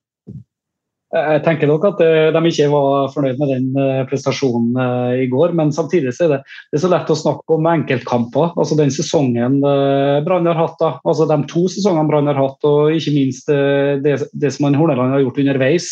Når du mister to-tre veldig sentrale spillere, så klarer en å fylle på og likevel gjør dem kanskje enda bedre. Så, så jeg tror nok han sov veldig godt, eller gjengen der de, de kosa seg veldig godt selv om det ble som det ble. men det er ikke Ja, Godset er bra lag, bra form, hjemmebane. Skulle eh, avslutte med stil, og da, da er det ikke lett å komme til Marienlyst. Mm. Og så kan vi også melde om at uh, Brann fikk jo også nyheten i dag om at uh, hva heter han, Jimmy Nagel uh, som sportssjef der gir seg etter to og et halvt Eh, år. Så de må ut på uh, sportssjefjakt, da. Uh, det kan jo kanskje røre litt i gryta på overgangsvinduet, men Kanskje, det, kanskje ikke er Mikke Dorsin? Kanskje det. kanskje Det det er Gjerne for deg, si. Er det det du prøver å si? Ingen kommentar. Nei, ja, men eh, Brann skal nå få sutte litt på sølvkaramellen og europaspill neste år som venter i det fjerne. Men eh, Frank, noen eh, siste betraktninger rundt Brann? Er det noe du frykter som skal utfordre ditt kjære Glimt neste år? Ja, det, jeg ser på det som helt naturlig at Brann kommer til å være oppi der. Det er klart, de har, jo hatt, de har jo gjort det her tidligere i historien, der de har kommet opp og tatt sterke prestasjoner, så de gradvis år for år bare senka seg. Men jeg ser ingen grunn til at ikke Brann skal bli enda bedre neste år. Han Horneland han er en utrolig dyktig trener. Han vant vel prisen for årets trener i regi av det her eh, rettighetshaver i dag, så vel fortjent det. Jeg syns det er helt riktig å gi den foran Kjetil Knutsen og han eh, og han Gaute Helstrup, eh, basert også på det at han tok et cupgull i vår også og tar en sterk, et sterkt sølv etter å være nyopprykka. Så jeg tror at han har veldig god kontroll og en veldig god spillergruppe nå, og så kan de utvikle videre. De har fått inn mange av de riktige typene, henta smart også nå i sommer og utvikla laget videre. Helt til slutt, Jonas. Lite kamikaze-tips her. Jeg tror eh, Godset har eh, store sjanser for å komme av topp seks neste år. På grunn av at de vil videreutvikle det de har eh, holdt på med i år. Bygge videre på det solide defensive fundamentet de har. Og de kan for første gang gå inn i et år med lommebok som tilsier at de kan forsterke og ikke må selge. Mm. Og Da kan jeg komme med et superduper kamikaze-tips. da, Om fire og et halvt år så har vi et nytt nachspiel på Brann stadion. Vi går videre! Uh, de, vi snakka om å ta en viking, for ingen tar en viking bedre enn viking sjøl. Og Jonas, det her må jeg må bare nesten kaste det over til deg, fordi her, eh, her var det mye å ta tak i. Ja, uh, passa bra at ikke jeg så den kampen, så jeg skal fortsette sånn neste år. Kanskje vi vinner gull igjen. Uh, nei, uh, altså Jeg sa jo før kampen her, og jeg var, mente helt oppriktig, jeg satsa penger på det, at Viking kom til å vinne med tre mål. For uh, det var ingenting som var tilsagt det siste tida at Rosenborg skulle dra til Stavanger og spille en bra kamp, og de har jo slitt veldig mot Viking i Stavanger de siste årene òg. Og når jeg så det laget Rosenborg starta med i går eh, Ikke noe vondt eh, ment med eh, Konradsen Seid bak der, men han har jo knapt spilt eliteseriefotball. Og når han var på utlandet til KBK, så spilte han vel sekser, så vidt jeg vet. Veldig godt skolert i den fasen der. Ja. I Den perioden der var veldig god. Jeg så, jeg, jeg så, veldig mørkt på at uh, han skulle uh, drive og krige mot Adegbenro uh, på topp der.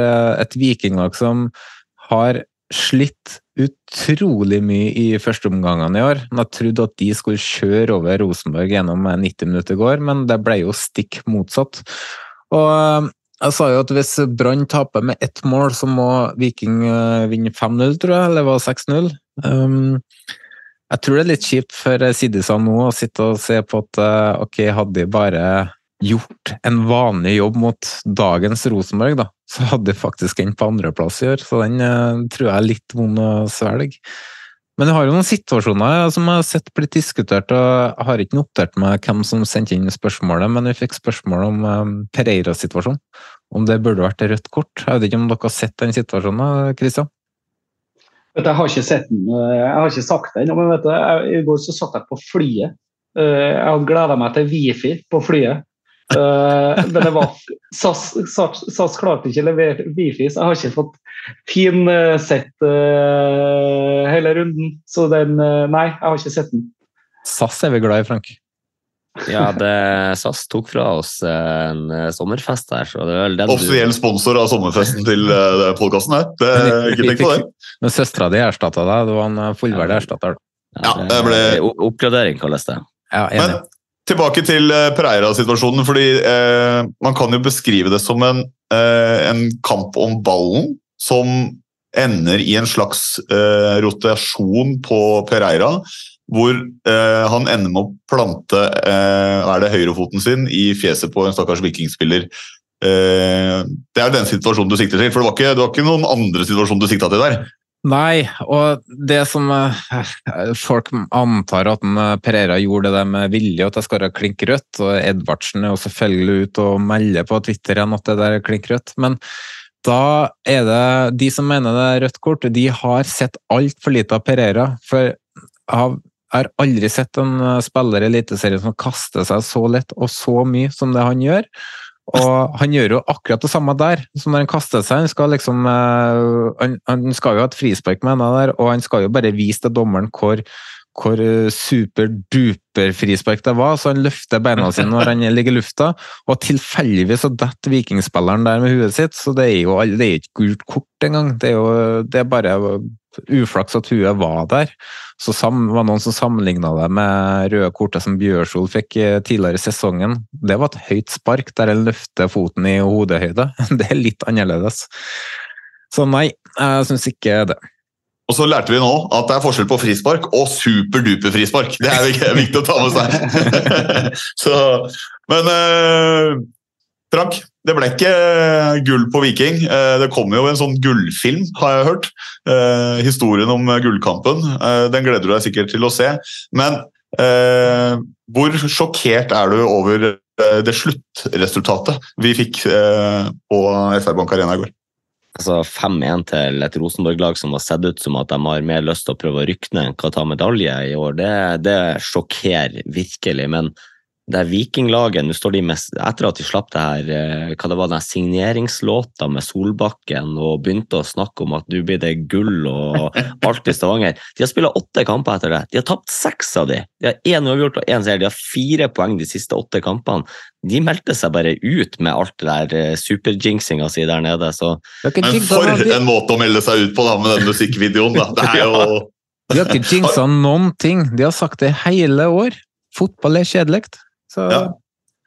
Men eh, vi gleder oss til filmen. Skal du se den filmen, Christian? Den Gullkampen til Viking, som kommer på kino en eller annen gang i nær fremtid? Jeg må jo det. Burde ha fått en annen tittel, den filmen. Jeg tror. Ja, Det kan jo hende at de tar en vurdering av tittelen på den filmen. Men, og, ta, og ta en viking! Det har vi tittelen. Ja, ja den, eh, det kan de låne av oss. Vi har, vi har copyrightet på den, men vi skal kjenne oss der, da. Du er jo innom det, du da, Jonas, at det virker som at disse medaljelagene eh, konkurrerer nærmest hardest om å ikke ta den medaljen i den runden. Altså, det er jo sikkert med nerver og alvoret eh, som spiller inn. Eh, men det tar oss over til siste kampen, som også er, det igjen tar oss eh, over til neste bolk igjen, som handler litt om overlevelse. fordi vi fikk jo et oppgjør mellom topp og bunn også. Vålerenga tar imot eh, Tromsø, medaljejagende Tromsø.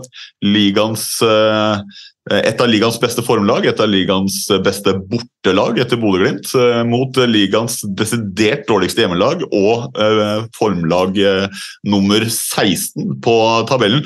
Men det så jo ikke sånn ut mellom de to lagene som møttes.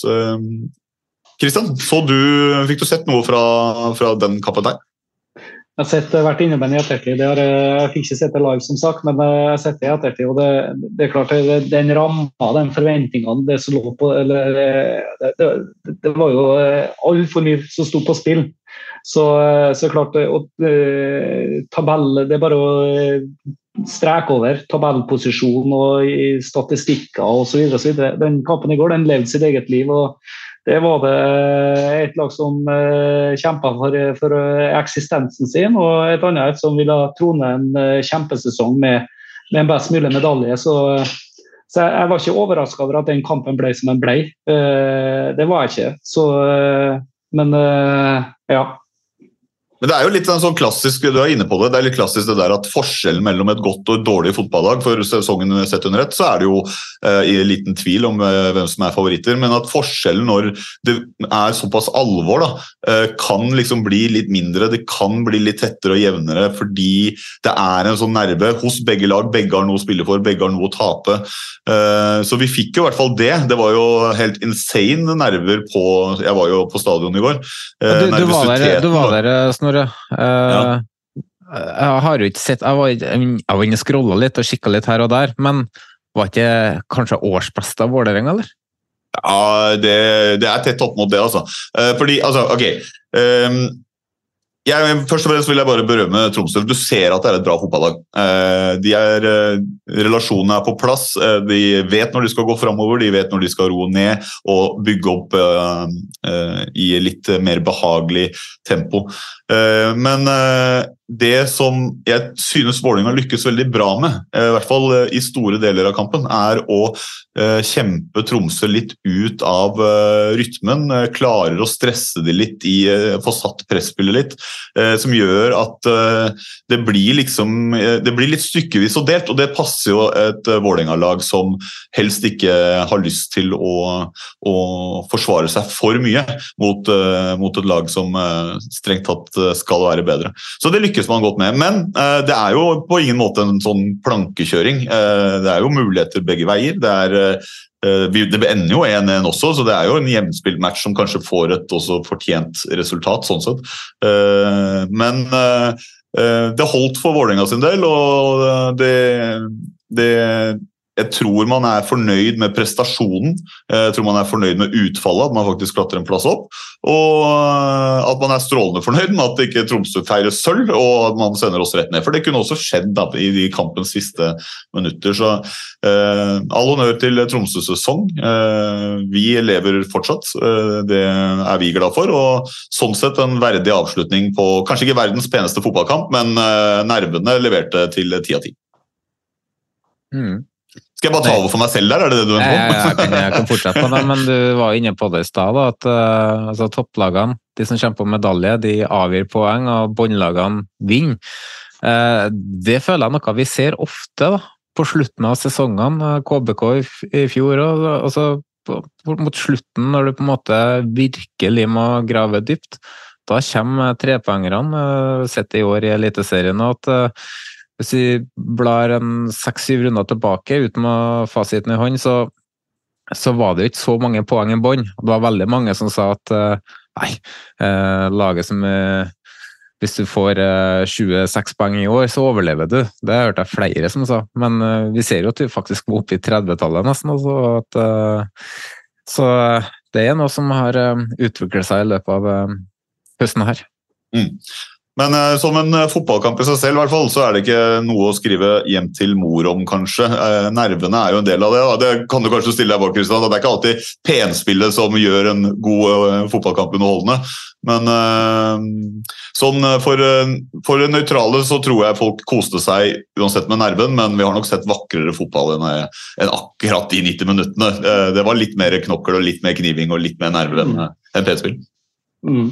Men, eh, men det du hvor mye det, det, det innsats, innstilling, eh, har å si. Da, det, eh, jeg vet ikke hvor mange, Dere snakker om topplag og bunnlag osv., men det, det, snakkes jo ofte om at uh, lag som aldri uh, klarer å slå uh, de lagene de strengt tatt bør slå. og så har du andre lag igjen som slår topplag som de i utgangspunktet ikke skal skal slå. Det, det, handler litt om spillestil, det handler litt om uh, hvor hen man er igjen i sesongen. Det handler om momentum, selvtillit. Det handler om uh, hvor mye man har svidd av av krefter. altså Det er en mental påkjenning, det er en lang sesong. Så det er så mange faktorer som er med å spille inn på, på, uh, på en sluttspurt eller en startfase eller en mediumfase av, av en sesong. Så det, det, er, det er ganske komplekst. Vi har vært inne på det. med brukt Tromsø som et eksempel som eh, skulle bare ta tre poeng hjemme mot Godset og tre poeng hjemme mot Ålesund, som ender opp med null. Og så drar de til fordi da, Med seier i de kampene så ville de ha vært helt oppi der. Og så ga de fra seg muligheten, og så kommer de på etterskudd og skal møte Viking borte og Molde borte. Ingen har trua. Og så stikker de av med en knepen seier i Viking, da, men så høvler de over Molde på Aker stadion når ingen forventer det, og så er de der igjen. Og Sånn har, vært, sånn har Tromsø vært litt over at de har vært på skuddhold, og så har de missa. Så litt, blitt litt avstand, og så har det kommet seg inn igjen. Så hele tida når Tromsø har vært i angrepsposisjon, så har de som regel stukket av med tre poeng. Mens når de på en måte har måttet forsvart noe mer, da, som de kanskje måtte mot Vålerenga til tider, så, så, så uh, får de det ikke like bra til. da. Mm. Og man kan jo si, eh, Hvis man kan trekke inn også det intervjuet med Joakim Jonsson etter eh, kampen. Eh, der snakker jo også litt om det samme, er at det har skjedd noe i spillergruppa til Vålerenga eh, mellom eh, HamKam-kampen og nå. At man ser på tabellen. Man vet at det er ikke noe å gjemme seg bak. Det er ikke noe å tape. Hvis du går ut der og hjem, tror du kan gjemme deg til det poenget eller den seieren, så, så, kommer du til å ryke, og da ryker du ned. Så nå har vi ikke noe å tape. Nå må man gå ut og gi det et ærlig forsøk, og man har klart å omsette det til en eller annen form for at uh, det, det, er ikke noe, det er ikke noe vi kan ikke gå rundt og forvente noe, vi må bare gi det et ærlig, ærlig forsøk uh, og se hva det holder til. og Da kan jo det ha innvirkning da, på, en, på en form for Eh, utløsning som kanskje liksom senker skuldra akkurat nok eh, til at man minimerer forskjell mellom de to lagene. Men nå prater jeg og sport, det, jeg, det er ikke jobben min. jobben min er å dra oss videre, fordi det ble jo virkelig dramatisk i bånn. Så vi må se på de siste kampene i eh, kampen for å overleve. 69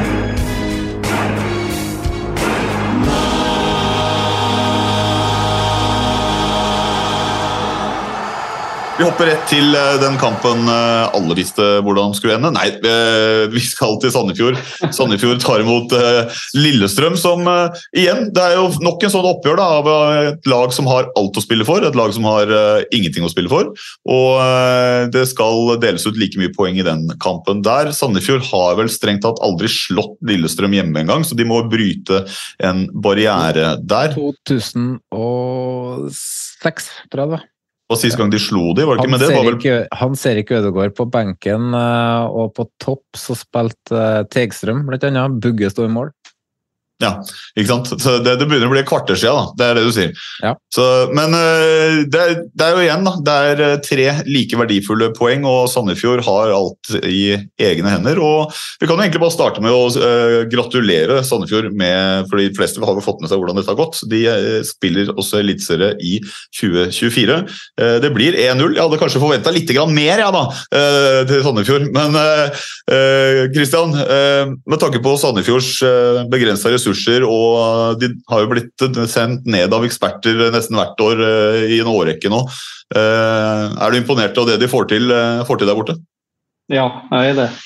Veldig imponert. og over mange år, og vi har jo på mange måter eller KBK har jo på mange måter møtt dem hele veien nå.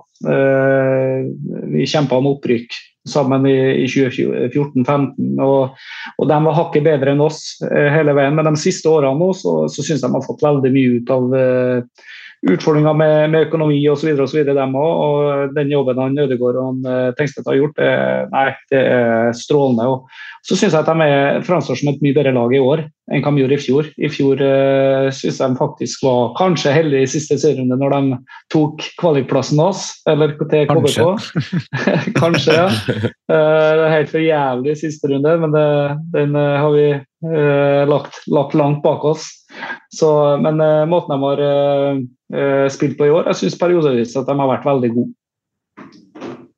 Ja, vi, Men, vi, har jo vært inne på det, skrev det på Twitter i stad, at uh, hvis uh, Egil Selvik ikke har stått i mål for Haugesund i år, så hadde de rykka ned. Og hadde Egil Selvik stått i mål for Sandefjord, så hadde de kommet topp åtte. For uh, det, det, jeg føler de har mangla litt i sesongen her, det er egentlig en matchvinner bakerst. Keto har ikke vært dårlig, han har bare ikke vært matchvinner.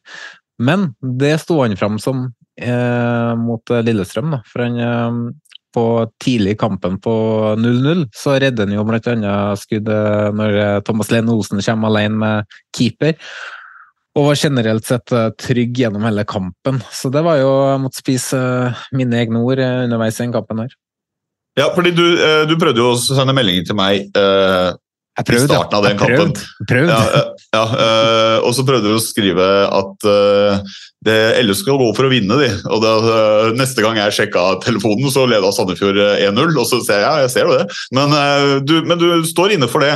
At i starten av den omgangen der, så kunne det sett annerledes ut. Ja, jeg står inne for det fordi at det er fasit. Lillestrøm gikk for å vinne den kampen der, og det var mye sjanser begge veien. Lillestrøm så tent ut. Det virka nesten som at de var mer motivert enn hva andre lag er i samme situasjon, for de ville sikkert ikke ha på seg at de tapte med vilje. Eh, men eh, de gikk høyt ut, de, og angrep. De var solide til tider. Eh, Vann var egentlig kanskje det beste laget sett gjennom 90 minutter. Og har flere store sjanser. Thomas Lene Olsen har flere store sjanser. Hadde bl.a. en blokkering av Troa Toje, hvor den fort ville endt opp i skåring. De hadde mye dødballer, mye innlegg. Syns Lillestrøm gjorde en overraskende bra kamp, egentlig. Og så um, så det har ingenting å Skal ikke stå på innsatsen, skal jeg si, i den kampen her, for de prøvde. Men Frank, skal ikke stå på innsatsen til han Jonas som prøver å ringe meg eller der når vi er på et supporterfelt også. Nei, det, det. Han, han, prøvde å ringe meg på torsdag òg, og han trodde det var tirsdag og skjønte ikke at Glimt spilte mot Lugano i Europa. Så jeg bare så sånn Kamp i dag, sto det! Det hadde jo vært hjemme med sjukt barn to dager, så jeg hadde ikke vært på jobb ennå, så jeg trodde jeg hadde mista kontroll på dagene. Men uh, Frank, uh, hvor fortjent er det at det er eh, Gud Tveter som får lov til å sette det avgjørende straffesparket for uh, Sandefjord? Det ligger vel i, Han er jo straffeskytter, så det var vel naturlig, men altså, jeg, jeg syns jo egentlig det er litt gøy at Sandefjord holder seg. For jeg syns at Sandefjord er et av de lagene som er på nedre halvdel som spiller penest fotball når de spiller god fotball. Så jeg, jeg jo, liker jo det, da. Håper jo å se det prosjektet utvikle seg. og så jeg er jo litt redd for at de har noen spillere som uh, forsvinner der nå, som har prestert Redd for du? Har du lyst på dem til Bodø-Glimt? Ja, ja, ja. ja, ja. Det, men, men, men, for dem, nå snakker jeg for deres del. Jeg er redd for deres del at uh, det er et par spillere som forsvinner der i vinter. Det, og, det at han uh, Vetle Valle egentlig ikke er med i kåringa til TV2 av årets unge spiller, han er rett og slett bare avglemt. Det er tjenesteforsømmelse av rettighetshaver. Det er så svakt av dem det er kåringa som de kom med i dag, vi skal inn på det etterpå. Men uh, jeg, jeg, sparer det til etterpå, for det er ja. går dårlig. Men uh, jeg merka jo underveis i kampen her, da altså Mitt hjerte har jo alltid banka for uh, Rosenborg, og har bare hatt plass til det. Og så tidligere så hadde jeg òg lite plass til Blackburn. I, men det, det, forsvant med noen kyllingvinger, litt sånn forskjellig. Blackburn, um, plasser til det svarte hjertet ditt. Ja. Eh, men jeg merka underveis i den kampen her at jeg har et lite hjerte for Sandefjord, og så skal det kanskje mangle etter å bodd der i 13 år. Men uh, man jo, blir jo knytt da, når man kjenner flere i og rundt klubben. Så jeg, kjent, jeg, jeg, jeg svetta på, på vegne av Sandefjord under kampen på søndag. Så det var utrolig deilig for meg da, å se at de overlever. og vi fortsatt kan ha som podkast relasjon til, til den klubben. og og eh, det der. Mm. Hele Kodal sto på huet, rett og slett, i går. Alle fem som bor der. Ja. Jonas, samboeren og barna, med andre ord. Nei, men... og og, bikkja. Og bikkja. Men uh, uansett, gratulerer til Sandefjord uh, for, med ny uh, kontrakt og eliteseriespill i 2024.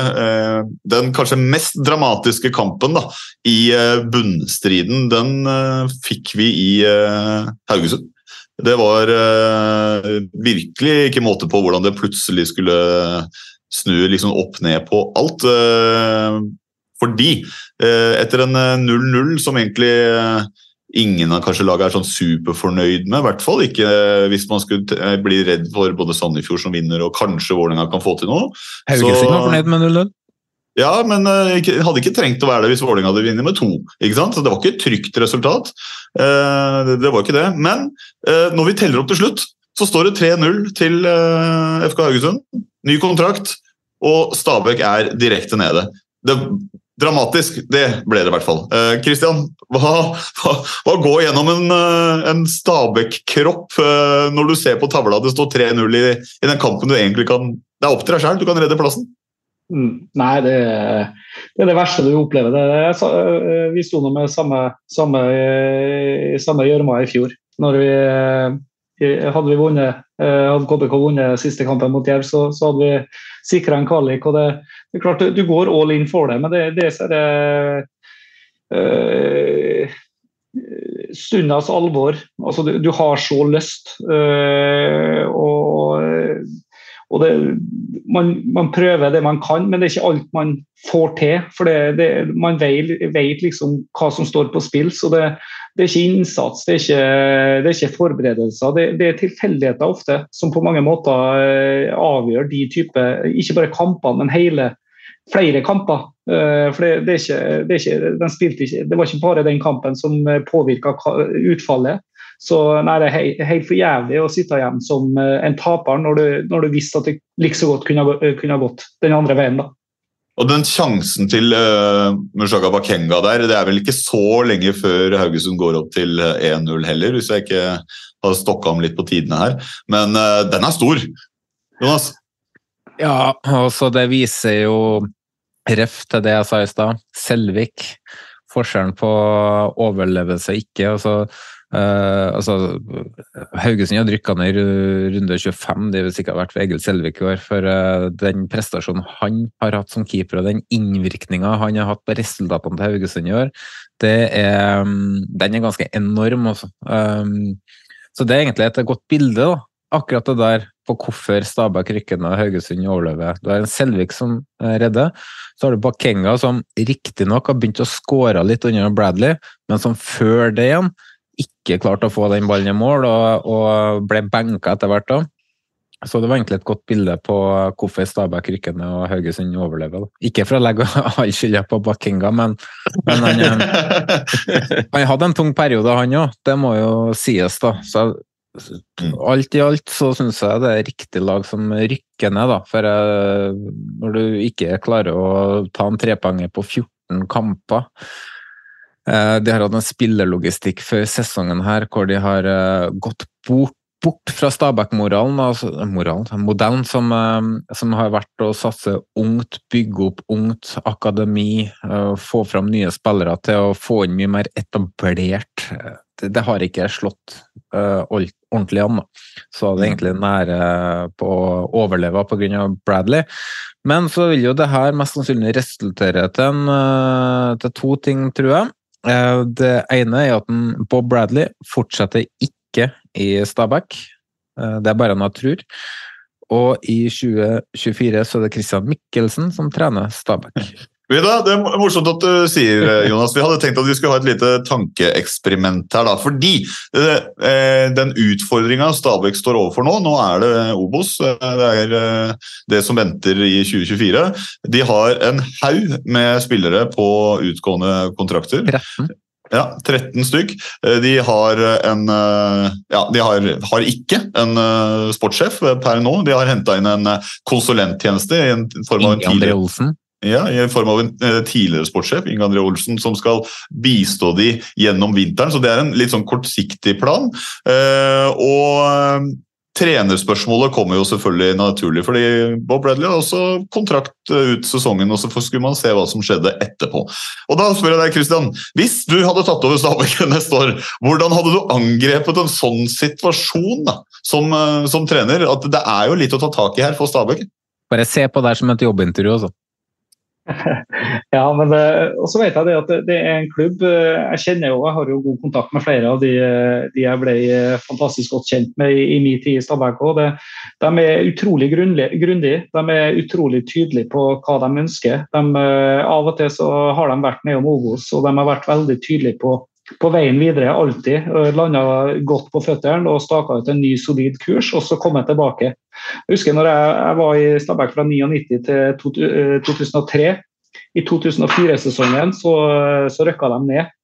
Uh, og så kom det der 2005, første året i, i Adeccoligaen og Obos-ligaen den gangen. med Nanskog, Avansenio, Gunnarsson osv. Altså de, de var ned og tok fart. Og så endte jo med seriegull i, i 2008. Uh, og Det er litt sånn typisk Stabæk. De tåler på mange måter å ta turen nedom, uh, bygge, bygge, noe nytt og komme enda sterkere, sterkere tilbake. Så, så, jeg er helt sikker på at de allerede i dag er i, i den vurderinga, evalueringa, og, og tydelige på hvordan, de skal løse ting og, og, og, komme enda sterkere tilbake i løpet av et år eller to. Mm. Frank, før vi avslutter eh, Stabæk-sementet, så må jeg bare spørre deg. Hvor mye tror du eh, Bakenga angrer på at han ikke gikk på bag i det slaget på avslutninga der uh, i går? Tror du han drømmer, drømmer om den sjansen? Du tror han har sluppet unna VAR enda en gang? Ja, jeg vet da fader. Det, var tydeligvis lov med bag i slag, så hvorfor ikke? Nei, men tror du, tror, du, han sov litt ekstra dårlig i natt når han ser tilbake på den sjansen, og hvordan det vippa andre veien? Altså, Vi pleier å ha rundens pluss og rundens minus, og jeg må ærlig innrømme at den der den var veldig nærme å være en jeg ville trekke opp som rundens minus nå, for den bommen der er veldig definerende for at Stabæk nå går ned. Men kan ikke du bare fortsette rundens minus? Eller Jonas, du har jo alltid noe viktig på hjertet. Er det, er det noe Ja, eh, altså nevnte jo Christian Mikkelsen som ny Stabæk-trener, men så eh, lurer jeg også litt på hva tanken Massar Karadas var inne inn som trener var da, om han skal overta på sikt, eller om de har en plan der. Så den er jeg litt nysgjerrig på, det blir litt spennende å følge med. Og så er det um, mange som tenker at når Stabæk rykker ned, så går de rett opp igjen. Jeg tror Ålesund kanskje kan bygge noe spennende til neste år. Uh, men til Stabæk så er jeg litt usikker på om de faktisk er litt avhengig av et Gift Orban-salg i Europa nå for å få inn videresalgspenger. For uh, så vidt jeg vet, så har de en veldig anstrengt økonomi akkurat nå. Så um, der må det virkelig jobbes med spillerlogistikken og um, hente smart og utvikle. Mm. Men da kan vi gå på rundens plusser og minuser. En ting til. Uh, nei, ja, selvfølgelig. selvfølgelig. selvfølgelig. Men Frank, Rund, rundens, rundens minus må jo være minusgraderen rundt omkring. ja. den, er, den, er, den er smart på mange plan, den her, altså. Den er det. Men eh, Frank, du var jo inne på det. Du, uh, bommen til uh, Mush uh, var nesten inne på cutten, men da kan du fortsette. Vi snur på det. Du kan starte med din minus i dag, da. Ja, altså Jeg må jo ta han der som står og styrer fra spikerbua i Bodø etter kampslutt, og han setter når vi skal synge fra hyllaget, så kommer det over musikk over høyttaleranlegget. Og det, det, er så drepende for ei tribunestemning. La supporterne synge. Det er vi som vil stå for stemninga på stadion. Og skal det ikke komme på en jævla CD i bakgrunnen, så en liten minus til han eh, denne gangen. Kontroversielt utsagn fra Frank Amundsen der. Eh, Jonas? Rundens pluss. Eh, minus, minus, minus. minus, minus. okay. ja. Vi avslutter på en uh, positiv tone i dag, vet du. Ja, ja. Uh, eieren til TV 2 og den uh, jallakåringa de har kommet med nå, altså årets unge spiller ikke har med Vetle Valle Egeli, da, må du spille for et lag med stort navn for å være med på en sånn kåring. Jeg, jeg veit ikke.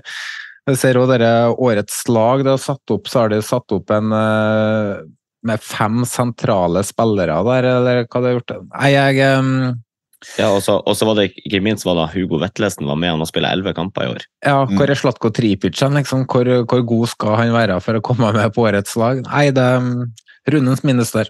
Mm. De jobber Christian, med det, for faen! har, du lyst til å, har du lyst til å justere gradestokken eh, fra minus til pluss og si deg fornøyd med at rundens minus er minusgrader, eh, og eh, kjøre i gang med en pluss? Ja da, gjør det. At det ikke var Wifi på SAS for det. det, 30 runder rundeoppsummeringer, og SAS ender opp med rundens minus to ganger. Det er bra. ja, nå kan jeg stille meg bak en del av minusene, så jeg skal ikke da stjele for mye tid. Så jeg kan bare si Frank eh, pluss. Ja, eh, dere skal få lov til å gjette hva det her er. For jeg, hvis jeg sier 27 hva tror dere det er? Luftfuktigheten på rommet ditt. Ja, det er blant annet, men 27 eh, er økninga i tilskuertallet i Eliteserien for de 16 lagene. Så en kjempestor pluss til publikums engasjement eh, i hele ligaen i år. Jonas, har du noe mer smiskende til Supporter-Norge enn eh, det? Nei. Jeg smisket Nei. luke nummer én i julekalenderen. André Hansen Eh, jeg syns det var en ganske sånn symbolsk avslutning på, på kampen Viking-Rosenborg i går. Fem 1-skåringer. Andre Hansen, assist til Sverre Nypan, som er neste generasjon. Så det syns jeg var en uh, sånn veldig symbolsk og fin avskjed på Hansen. Mm. Og Christian, pluss. Det blir neppe SAS, men hva, hva vil du trekke fram? Uh, Målpoengskåren til en Pelle, altså rekorden. Uh, det han har gjort og stått i. Og, nei, imponerende det han har uh, fått til. Mm. Jeg uh, gadd ikke å ta minus fordi dere var innom det meste, men jeg må faktisk ta en kjapp uh, pluss. fordi er det en supportergruppe som har fått uh, litt tyn fra mitt uh, Vålerenga-hold, så er det Tromsø og Forestad Tromsø i forbindelse med dette billett, bortebillett-gate. det har vært litt sutring, det har vært litt melding, og det er greit, jeg er ferdig med det, men jeg må faktisk si at det bortefølget på inntil ti går eh, imponerte meg eh, stort. De fortjener all honnør for å både være mange og lage mye lyd. Eh, ha med flagg og TIFO og det, så det er en stor pluss til eh, Tromsø og andre grupperinger som sto der i går og bidro til en eh, kul eh, ramme og nordnorsk sommer og temperaturer på inntil Så, så kan gi rundens minus da, til Vålerenga, som ikke åpna større bortefelt fordi at de skulle selge ut til hjemmefansen som skulle fylle Jeg mener at det er, faen meg, det er klink rundens pluss. Da går vi videre! Uh, da går vi videre. Uh, rundens lag, Frank, var det du som hadde det i dag? Ja. Eh, Sandberg fra HamKam i mål. Eh, Solomon Ovusu, Valsvik og Tøye fra henholdsvis Odd, Godset og Sandefjord i midtforsvaret. Vi har han Rud Ruud fra Odd og Nye Kuri fra Haugesund på vingbackene. Skarsheim fra Rosenborg og Stengel fra Godset på midtbanen. Nelson fra Rosenborg og Pellegrino fra Glimt på kantene, og Thorvaldsson fra Rosenborg på topp. Stengel får tre stjerner, Ruud får to stjerner og Thorvaldsson får én stjerne. På benken har vi Selvik fra Haugesund, Amundsen fra Glimt, Moen Foss fra Sandefjord, Pereira fra Rosenborg, Samuelsen fra Haugesund, Jørgensen fra Odd og Njay fra Haugesund. Ingen Andrej Ilic, altså. Den er grei. Men eh, ta Jonas, det er en fin overgang, det, da. Du, jo, du hadde lyst til å du, du, klagde på kåringa til TV 2. Du nevnte i introen at du ville ta en spontan rundslag, og så skrev du på Twitter. Eh, kan ikke dere, da, for å uh, sette opp, eller i hvert fall nevne spillere dere mener er klink på årets lag, så ser vi hva vi får til, og om vi må ta resten av diskusjonen på kammerset, om vi klarer å komme fram til noe. Så kan du starte med deg, Jonas, for jeg vet at dette Eh, er eh, Du er så forberedt du, til dette spontane øyeblikket. Nei, faktisk ikke, men jeg har jo hatt noen eh, tanker. Noe, jeg kan ta de plassene som jeg mener er helt åpenbare. Um, og I mål så har vi hatt to vi har, vi har, tre veldig gode keepere som utmerker seg veldig i år. Men jeg syns Egil Selvik er den beste foran Viljar Myhra uh, på godset.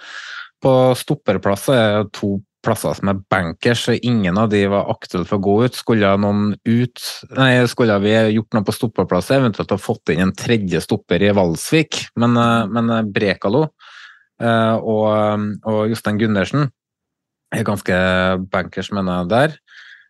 På, på midten så er det veldig stor kamp om plassene. Jeg tenker 4-3-3, da. Eh, jeg er jo trønder, og vi snakker jo bare 4-3-3, ikke sant? Eh, så, um, men eh, det er veldig jevnt mellom Sivert Heltene Nilsen og Patrick Berg sentralt.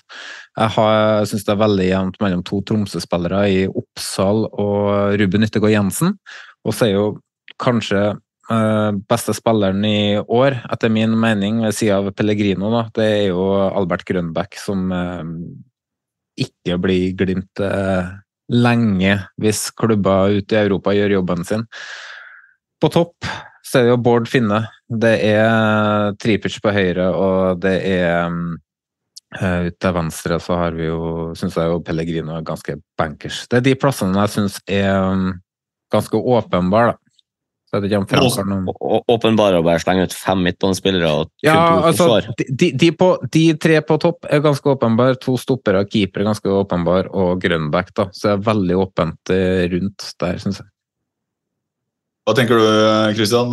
Jonas inne på noe, eller har du noen justeringer på de åpenbare eh, på Jonas sitt årets lag? Nei da, det, det, jeg ville nok ha hatt med en Farris i, i vurderinga foran der. Uh, og så er system da, om en skal ha én spiss eller to spisser selvfølgelig for å prøve å få plass til dem. Nilsen på Brann syns jeg også har, uh, hatt uh, utrolig påvirkning på det Brannlaget. Og så Vi har vel snakka om keeperspørsmålet. Både han Valstedt som, som gikk, gikk tidlig, og så syns jeg også han Haugård i Tromsø er utrolig undervurdert uh, i måten Tromsø spiller på. og uh, hatt ei, ei merkbart bedre i år enn han var i fjor. Og, det, men uh, nei, han Det er noe, han, han sier noe, han ramser opp de beste spillerne. Mm. Jeg har Haugård eh, som, Haugård som tredje beste keeper, og grunnen til at ikke har han høyere, er for at han har hatt det litt mer stille og rolig da, eh, siste halvdel av sesongen. Litt mindre å gjøre, eh, ikke hatt så mye matchavgjørende inngrepen, sånn som Myra og Selvik som har eh, berga egentlig klubbene sine. Men eh, jeg legger jo merke til at det mangler jo eh, Det er mye som eh, liksom er lett å bli enige om. Men så var det disse backplassene. Der nevnte du ikke så noe særlig, Frank. Har du noen bekker som må med? Jeg mener jeg har både høyre- og venstreback som er ganske klar, og det er Westerlund på Tromsø på høyrebacken, og så er det Bjørkan på Glimt på venstrebacken, og så er det selvfølgelig noen i Vannskorp, og du har en Vikne på Sarpsborg, og du har en Soltvedt på Brann som kunne utfordra på høyre og venstre, og kanskje en Bjørsol eh, fra Viking og en Haugen fra Molde, men jeg mener at høyre- og venstrebacken det det er to personer som skiller seg såpass ut at de skal på laget, og det er Westerlund og Bjørkan. Jeg støtter Frank. Kristian, skal du snu opp ned her, eller kan du stelle deg bak uh, Amundsens uh, vurderinger? Nei, Nå tenker, nå tenker Kristian på er det noen tidligere KBK-spillere som spiller? Sør, Sørmo. Sørmo må inn der. nei, da, men apropos nei, Bjørkan har kanskje vært den beste venstrebacken igjen. Men eh, det er klart det er en av eh, de som har levert på Molde i år, da, det er jo en, eh, Haugen. Mm. Men det høres jo ut som at dere egentlig er ganske enige om uh, årets uh, lag. Uh, hvis det skulle vært noen honorable mentions, eller Bort- såkalt Bortsett fra at han Jonas tok ut en fem-seks spillere på midtbanen da, på tre posisjoner. Så Ja, Ja, vi, Det- men vi er enige i Grønbæk, det er vi. Grøn, Grønbæk er vel klink, og for meg så er han Grønbæk årets spiller, selv om jeg så han Pellegrino vant kåringa. Så jeg, jeg syns han Grønbæk, spilleren Grønbæk er et hakk hvassere. Men han Pellegrino han får, altså, det er fullt fortjent å få den når du har skåra 190 mål i år.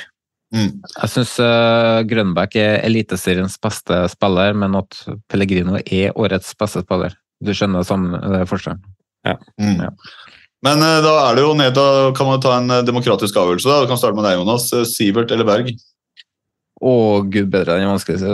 Patrick Berg, nydelig spiller. Også. Uh, vært fantastisk god, men jeg, jeg syns uh, eh, måten Sivert eh, har båret Brannlaget på, eh, er nok for at jeg setter han inn på laget. Ja, Kristian? Sivert eller eh, Patrick Berg? Jeg syns Nilsen har, eh, har vært best i år. Mm. Og da spiller ingen rolle hva du sier, Frank. Men, eh, Nei, men jeg er uenig, for han Patrick Berg han har vært eh, god i 30 kamper. Han Sivert Helten Nilsen han har vært god i 20. Så han Men, Sivert, nei, da- Helten- han Sivert hadde en veldig svak midtperiode i sommer og eh, den delen av sesongen. og da, Jeg syns det skal spille inn. for at Vi snakka også om han Solbakken i Viking som en av årets spillere før de ti siste kampene, men han har jo falt helt av. ja.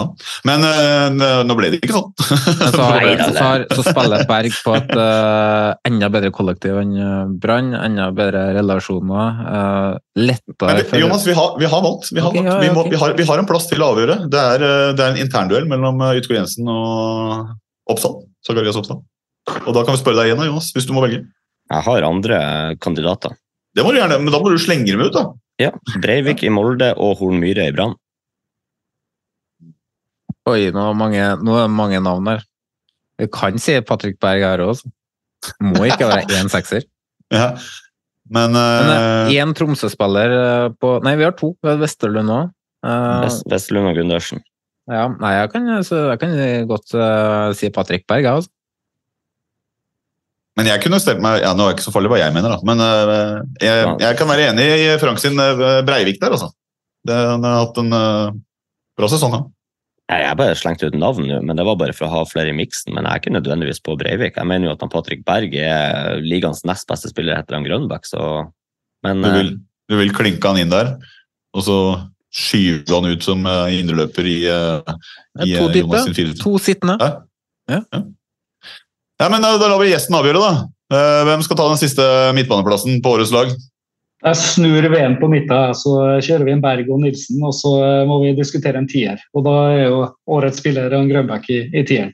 Nå, nå snakker vi. Da, da har vi pinadø årets lag. Glemt Erlend Reitan ser jeg, men uh, ellers så Men det, er- det er ikke fullt på benken! Det er ikke fullt på benken! Men det er et, et, et par eh, Sarpsborg-spillere vi kunne nevnt også, for de er jo ikke blitt snakka om nå. Det er Maigård og Torp. De har eh, periodevis vært fantastiske, og så hold, kommer de ikke helt opp her. Jeg vil si kaste meg inn på Torp der, for det er kanskje en av de mest undersnakka spillerne i hele Eliteserien her. Det er ingen som snakker om eh, Viktor Torp, men uh, Maigård har hatt flere svake kamper. Viktor Torp syns jeg har vært god i de kampene Sarpsborg har vært svak i òg. og han er en, nesten den eneste spilleren han som kommer til å møte opp på trening i Sarpsborg etter sesongen, for han er omtrent eneste som har kontrakt der nå, så det, så det Men eh, ja, han har vært god. Og så, og så nevner jo Kristian eh, Faris Pemi. For meg så var jo han jo veldig nære, hvis jeg skal lage et lag for meg sjøl, både han og Akur Adams. Men eh, faller ut pga. at det er så mange sentrale midtbanespillere. Vi har jo nevnt det, Ruben Yttergård Jensen og Zakarias Oppsal, som har vært fantastisk gode gjennom hele sesongen. Mm. Men kanskje vi skal uh, gjøre det sånn at uh, benken vi, kan vi ta på kammerset, og så har vi ja. laget, og så kan vi ta det resten der. og så uh, har vi et par ting vi må gjerne få toucha innom før vi avslutter for i dag. Altså, Jeg orker ikke å diskutere om folk uh, tar hverandre opp i ræva, eller hva det er for noe sånt. Fordi eh, årets lag eh, er satt basert på 30 runder i eh, Eliteserien, men det gjenstår jo to kamper. Og Christian, jeg jo at du kommer til å se de to neste kampene, og det gjør jeg også. For det er kvalik, det er avgjort. KBK slo Kongsvinger borte eh, og har gjort seg fortjent til å møte Vålerenga i playoff. Det første oppgjøret er eh, allerede på onsdag i Kristiansund. Og returoppgjøret, hvor avgjørelsen faller, er på søndag. Eh, da får vi svaret på hva som blir lineupen på neste års eliteserie. Og eh, du var jo inne på det. Du har jo ingen Det er ikke noe vondt blod mellom deg og klubben lenger. Kanskje ikke noe hemmelighet hvem du holder med, men hva er dine forventninger til oppgjøret vi får over to kamper nå? Jeg tror det blir utrolig spennende. Eh, det er to lag. KBK har vært i dytten eh, lenge.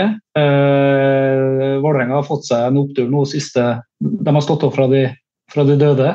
Så, og så er det publikum, nordmørspublikummet her. Det er Østlandet eller Oslo-gryta. Oslo og det er to lag som på mange måter kanskje har vært siste tida i hvert fall vært bedre på bortebane enn, enn på hjemmebane. Og så jeg tror jeg tror fort det det laget som presterer best på hjemmebane og skaffer seg et Eller, ja. Hvis KBK skaffer seg et godt utgangspunkt på onsdag, så tror jeg, tror jeg kan bli jævla artig for nordmøringene på, på Intility til, til søndagen. Og så et, et, annet element her òg. Du, du snakka vel om antall bortetilskuere som får lov til å komme inn. Jeg hvor, jeg er veldig spent på hvor mange Vålerenga-supportere som får lov til å komme inn på, på Nordmøre stadion på onsdag. Ja, det var, jo, det var jo sluppet 224 billetter på borteseksjonen. Det er vel sånn ca. akkurat 5 eller noe sånt av, ja. av så det man har krav på. Men det synes, Og det syns jeg jeg er enig med det du sa i sted. Jeg syns det er akkurat sånn det skal være. da. Altså, ja, ja. Er, her, er det, her, er det, vi som bestemmer, og, og da, om det er dere her eller der, så sånn skal det være. Helt klart, eh, og jeg kan også stille meg bak det. Jeg har fått meg billett, jeg skal til Kristiansund. Jeg tenker uansett at eh, det verste som skjer, at da får jeg meg en god pølse å stappe på stappebua nede på, på, brygga. Jeg har jo familie fra Kristiansund, så det blir artig å komme på besøk der igjen. Eh, men jeg er enig med deg. Jeg tror det blir, tror det blir ganske intens playoff. Det er to lag som, som Eh, har hatt en historie for å få litt temperatur i matchene sine også. Det kan jo også bli, eh, bli eh, hett når det virkelig gjelder også. Så jeg, jeg gleder meg til en avslutning på, på, på årets sesong. Jeg, jeg vet det er, det er noen sultne KBK-kropper der da, som er ennå bitre, bitter på det som skjedde i fjor. Så det å få den der, muligheten til å revansjere seg her nå, det, det, jeg tror de skal Ja, jeg tror det er noen, noen gutter på KBK-laget som, som gleder seg fryktelig til matchen på eller de to matchene. Mm. Det er jo eh, Altså, KBK har Amund Shiri som trener. Han har spilt i Vålerenga. Han har vært assistenttrener i Vålerenga. I Vålerenga er Geir Bakke. Han har vært trener i KBK. Den er litt eh, Det blir litt spennende. synes jeg. Og så og så er det en litt morsom ting også. Du sier at du tror det laget som kanskje gjør det best eh, hjemme, eh, tar dette her hjem. Men det som også er litt artig, er at Vålerenga er jo det sjette beste bortelaget i årets eliteserie. Og har vært elendig hjemme, så det kan godt hende at den kampen allerede på onsdag blir ekstremt viktig. fordi Vålerenga har ikke hatt en evne til å avgjøre ting eh, på Intility, så jeg tror også man er helt avhengig av å få, en, eh, få med seg et eh, resultat du fortsatt lever på, da, når man får returoppgjøret på, på søndag. Så nei, det, det det er mye, uh, mye artige spørsmål og tanker rundt det oppgjøret allerede på onsdag. Frank, har du lyst til å komme med et eh, tips på hvem som eh, tar, tar duellen? Jeg skal si deg det at jeg vurderer veldig sterkt å komme på Intility på søndag og se at du rykker ned, og så skal jeg gå utfor øst etterpå og synge Glimt-sanger. ja, ok! Jonas, har du lyst til å komme med et tips? At narskene kommer til å stå utenfor, uh, utenfor uh, Østblokka og oppfordre til vold mot Frank, tenker jeg. Ja, det, det, det, det, tror, det kunne jo skjedd uansett, med at uh, Frank Uansett Arskan ja, at Frank Arskan står og, sier de, står og kjekler litt over øst. Men ok, kan vi få et seriøst svar da, Kristian? Hva tror du resultatet blir? Du kan ta totalt eller begge matcha seg legge sammen. da. Mm. Nei, Jeg tror det blir tight. Eh, Jeg tror det blir ett mål i favør KBK, og at en Benjamin Stokke, som også har en fortid i Vålerenga, som blir tunga på vektskåla. Siste kampen for KBK, eller? En gang til? Ikke siste kamp for KBK? Skal ikke han videre? Den ryktes veldig til Eik Tønsberg, i hvert fall. Ja, jeg tror nok KBK ønsker å ha med, ha med han videre. Det Mm. vil jeg, vil jeg tro. Da får jeg være så kreativ da, at jeg sier at jeg tipper det blir tett og jevnt, og at det blir ettmåls uh, favør Vålerenga. jeg da. Så være, være, være han.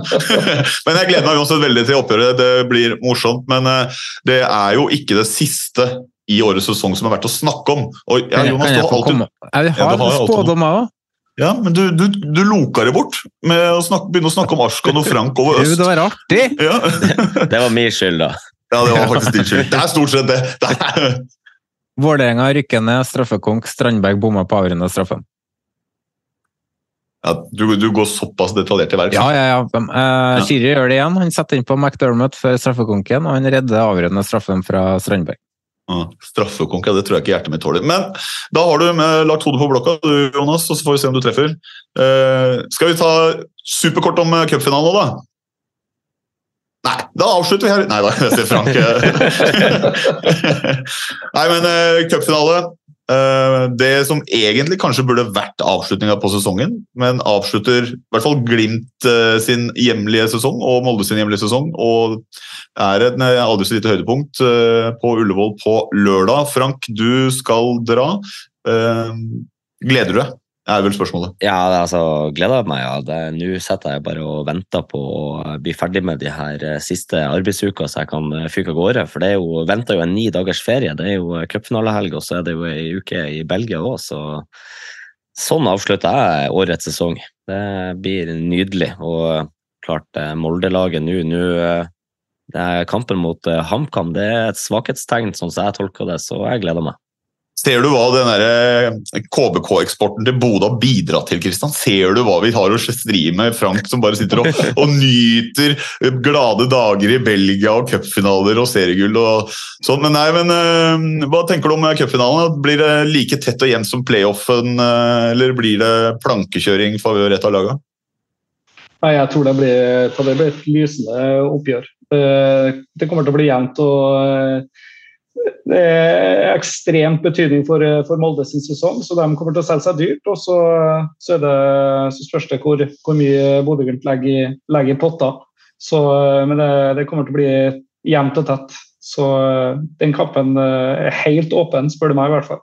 Mm. Det er liksom to ting eh, Kjetil Knutsen mangler med Bodø-Glimt nå. Da. Det er jo det cupgullet, og så er det Champions League-kvalifisering. Og nå har han muligheten igjen, etter ganske kort tid etter å ha tapt mot nettopp Molde, å Frank, hvor gira er dere på det cupgullet nå?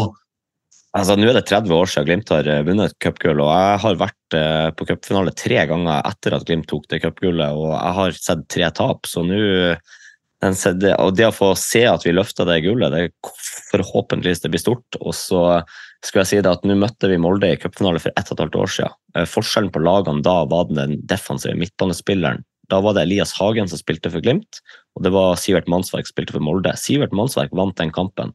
Sivert Mannsverk er borte nå. Patrick Berg er tilbake. Fordel Glimt det her. Og Elias Hagen skal spille playoff for Vålerenga. Det var jo fine ord å ta med seg på søndagen. Eh, onsdag søndag. Nei, men eh, Jonas, eh, har du lyst til å spå et utfall av cupfinalen? Du kan både tippe med hjertet og med huet. hvis du vil. Åh, tipp med hjertet. Det er aids mot svartedauden utpå der, da, for min sin del. Det blir, det blir to år på rad. Det er jo Nei, jeg tror første målet vinner. Uh, Molde vil nok mest sannsynlig selge seg dyrt, ligge lavt og kontre. Um, det er måten de kan uh, skåre på. Står jo nesten skrevet i bøkene at uh, Berisha blir matchvinner her. Men jeg tror Glimt, vi, Glimt vinner cupgull. Um... Berisha blir matchvinner, og dermed får ikke Viking Europa. Oi! Oi! oi, oi, oi. Det er, det er nesten sånn at hvis du det topper seg bare at Pereira blir med på denne feiringa etterpå. Det men, men det her, altså cupfinalen er jo nesten like viktig for både Brann og Viking som den er for uh, Molde, liksom. Uh, Glimt har jo den her uh, Champions League-kvaliken uansett, men vil jo selvfølgelig ha cupgullet. Men for Molde sin del så veier jo hele sesongen på å vinne her nå. For Viking så må jo de håpe på en Glimt-seier for å få den siste europaplassen, og for Brann så vil jo en Glimt-seier i cupfinalen gi dem muligheten i Europaliga-playoff i stedet for Conference League. Så det er jo faktisk eh, hele Vestlandet heier på Glimt nå. Mm. Glimt i vest, er det ikke det det heter? De som holder til der borte? Glimt i vest. Kristian, eh, spådde du utfallet, eller bare analyserte du eh, kampplanen? Har du lyst til å tippe? Nei, jeg vet nå, jeg tror det er helt, helt åpent. Det kan jo hende at det er en KBK-spiller som avgjør det igjen. Mm. Det er jo ikke så usannsynlig, faktisk. Det er faktisk ikke det. Skal vi ikke bare klinke til med en Pellegrino hat trick og 4-1 til Glimt? Nå tror jeg vi runder av snart. Ja, det var det vi rakk. Eh, det var det, det var det, vi rakk. Nei, men eh, Da har vi vært gjennom eh, mye og mangt om både om eh, både playoff, eh, cupfinale og ikke minst eh, avslutninga på årets eliteseriesesong. Og, og mer til. Små digresjoner og det, som mer er.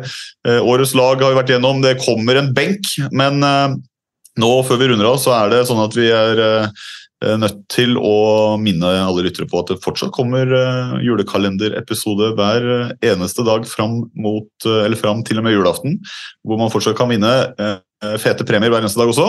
Så fortsett å sende inn svar eh, der. Eh, og det var jo sånn at vi kan jo avsløre hvem som var dagens gjest, var det ikke sånn, Jonas? Ja, det kan vi ta her nå. Sånn der er jo på tirsdag, men jeg kan ta det, da. ja. Det har vært ganske lett. Jeg kan si at Bortimot 97% som har sendt inn forslag, har jo tippa riktig på de første tre lukene. Men i dag Eh, tipsene til den luka i dag, da, på, på, mandag, der var det mye forskjellige svar. Og vi fikk veldig mye skryt for hintene. At vi faktisk eh, gjorde det såpass vanskelig. Jeg har fått meldinger kan du komme flere hint.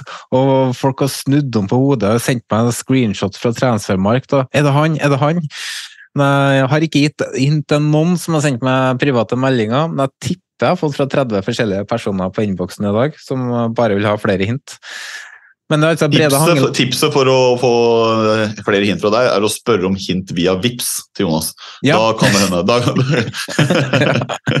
Nei, altså, det var, mm, det var jo Brede Hangeland som de fleste sikkert har fått med seg nå. En eh, fin episode. Så, mm. mm. Men det kommer flere godbiter. Jeg tipper at eh, luke nummer åtte, hintene fram til den luka, kan bli litt spennende, det òg. Se om folk tar. Mm. Og som vanlig så må vi takke Jan Erik Balto for eh, alt av bilder og videoer og alt egentlig i forbindelse med vanlige episoder og julekalenderepisoder, men kommer liksom ikke utenom eh, Jan Erik og arbeidet han legger ned for oss. Eh, også tusen takk til episodesponsor Ferdig begravelsesbyrå, som hjalp oss med å gravlegge Stabekk for denne gang. Og selvfølgelig, Kristian, stor takk til deg som kommer og gjester to timer på en mandagskveld sammen med oss glade amatører. Det har vært veldig hyggelig å ha deg med. Bare hyggelig. Og så ønsker jeg deg selvfølgelig masse lykke til på jakta etter uh, ny trenerjobb. Og så ikke fullt så mye lykke til i, uh, i den kommende playoffen, men uh, der er vi vel sikkert på bølgelengde. og selvfølgelig Det er dyrt, for, dyrt for leiligheter i Bærumsområdet. Kristian, anbefaler å flytte til Kodal, så kan jeg pendle til Bærum hver dag neste år. Ja, nå, eh, nå, avslutter vi, når Jonas begynner å anbefale folk å flytte til Kodal. Da er vi ferdige. Så vi da, sier vi, da sier vi takk til dere som hører på. Takk til eh, alle som eh, sender oss tilbakemeldinger. Vi hørs uh, plutselig.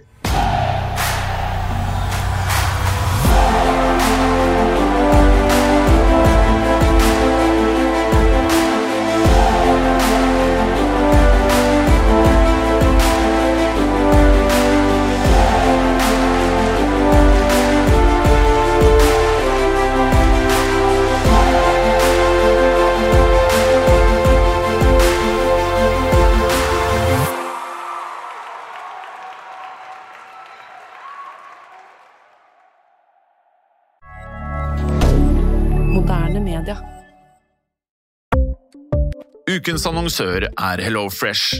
HelloFresh er verdens ledende matkasseleverandør og kan være redningen i en travel hverdag. Mange av oss har nok vandret i butikken både sultne og uten en plan for middagen, som ender med at vi går for de samme kjedelige rettene gang på gang. Middag burde være dagens høydepunkt. Som HelloFresh kan du nå velge mellom 25 ulike retter hver eneste uke, eller få HelloFresh til å sette sammen menyen for deg. Dette gir deg muligheten til å prøve nye og spennende retter alene eller sammen med familien. Du velger antall porsjoner og får alt levert på døren på et tidspunkt som passer for deg. Oppskriftene er enkle, og maten er lett å lage både for store og for små. Ved å få alt levert hjem får du også mer tid til å dele matgleden med familie og venner. Kanskje det frister med asiatiske tacos eller greskinspirert kylling?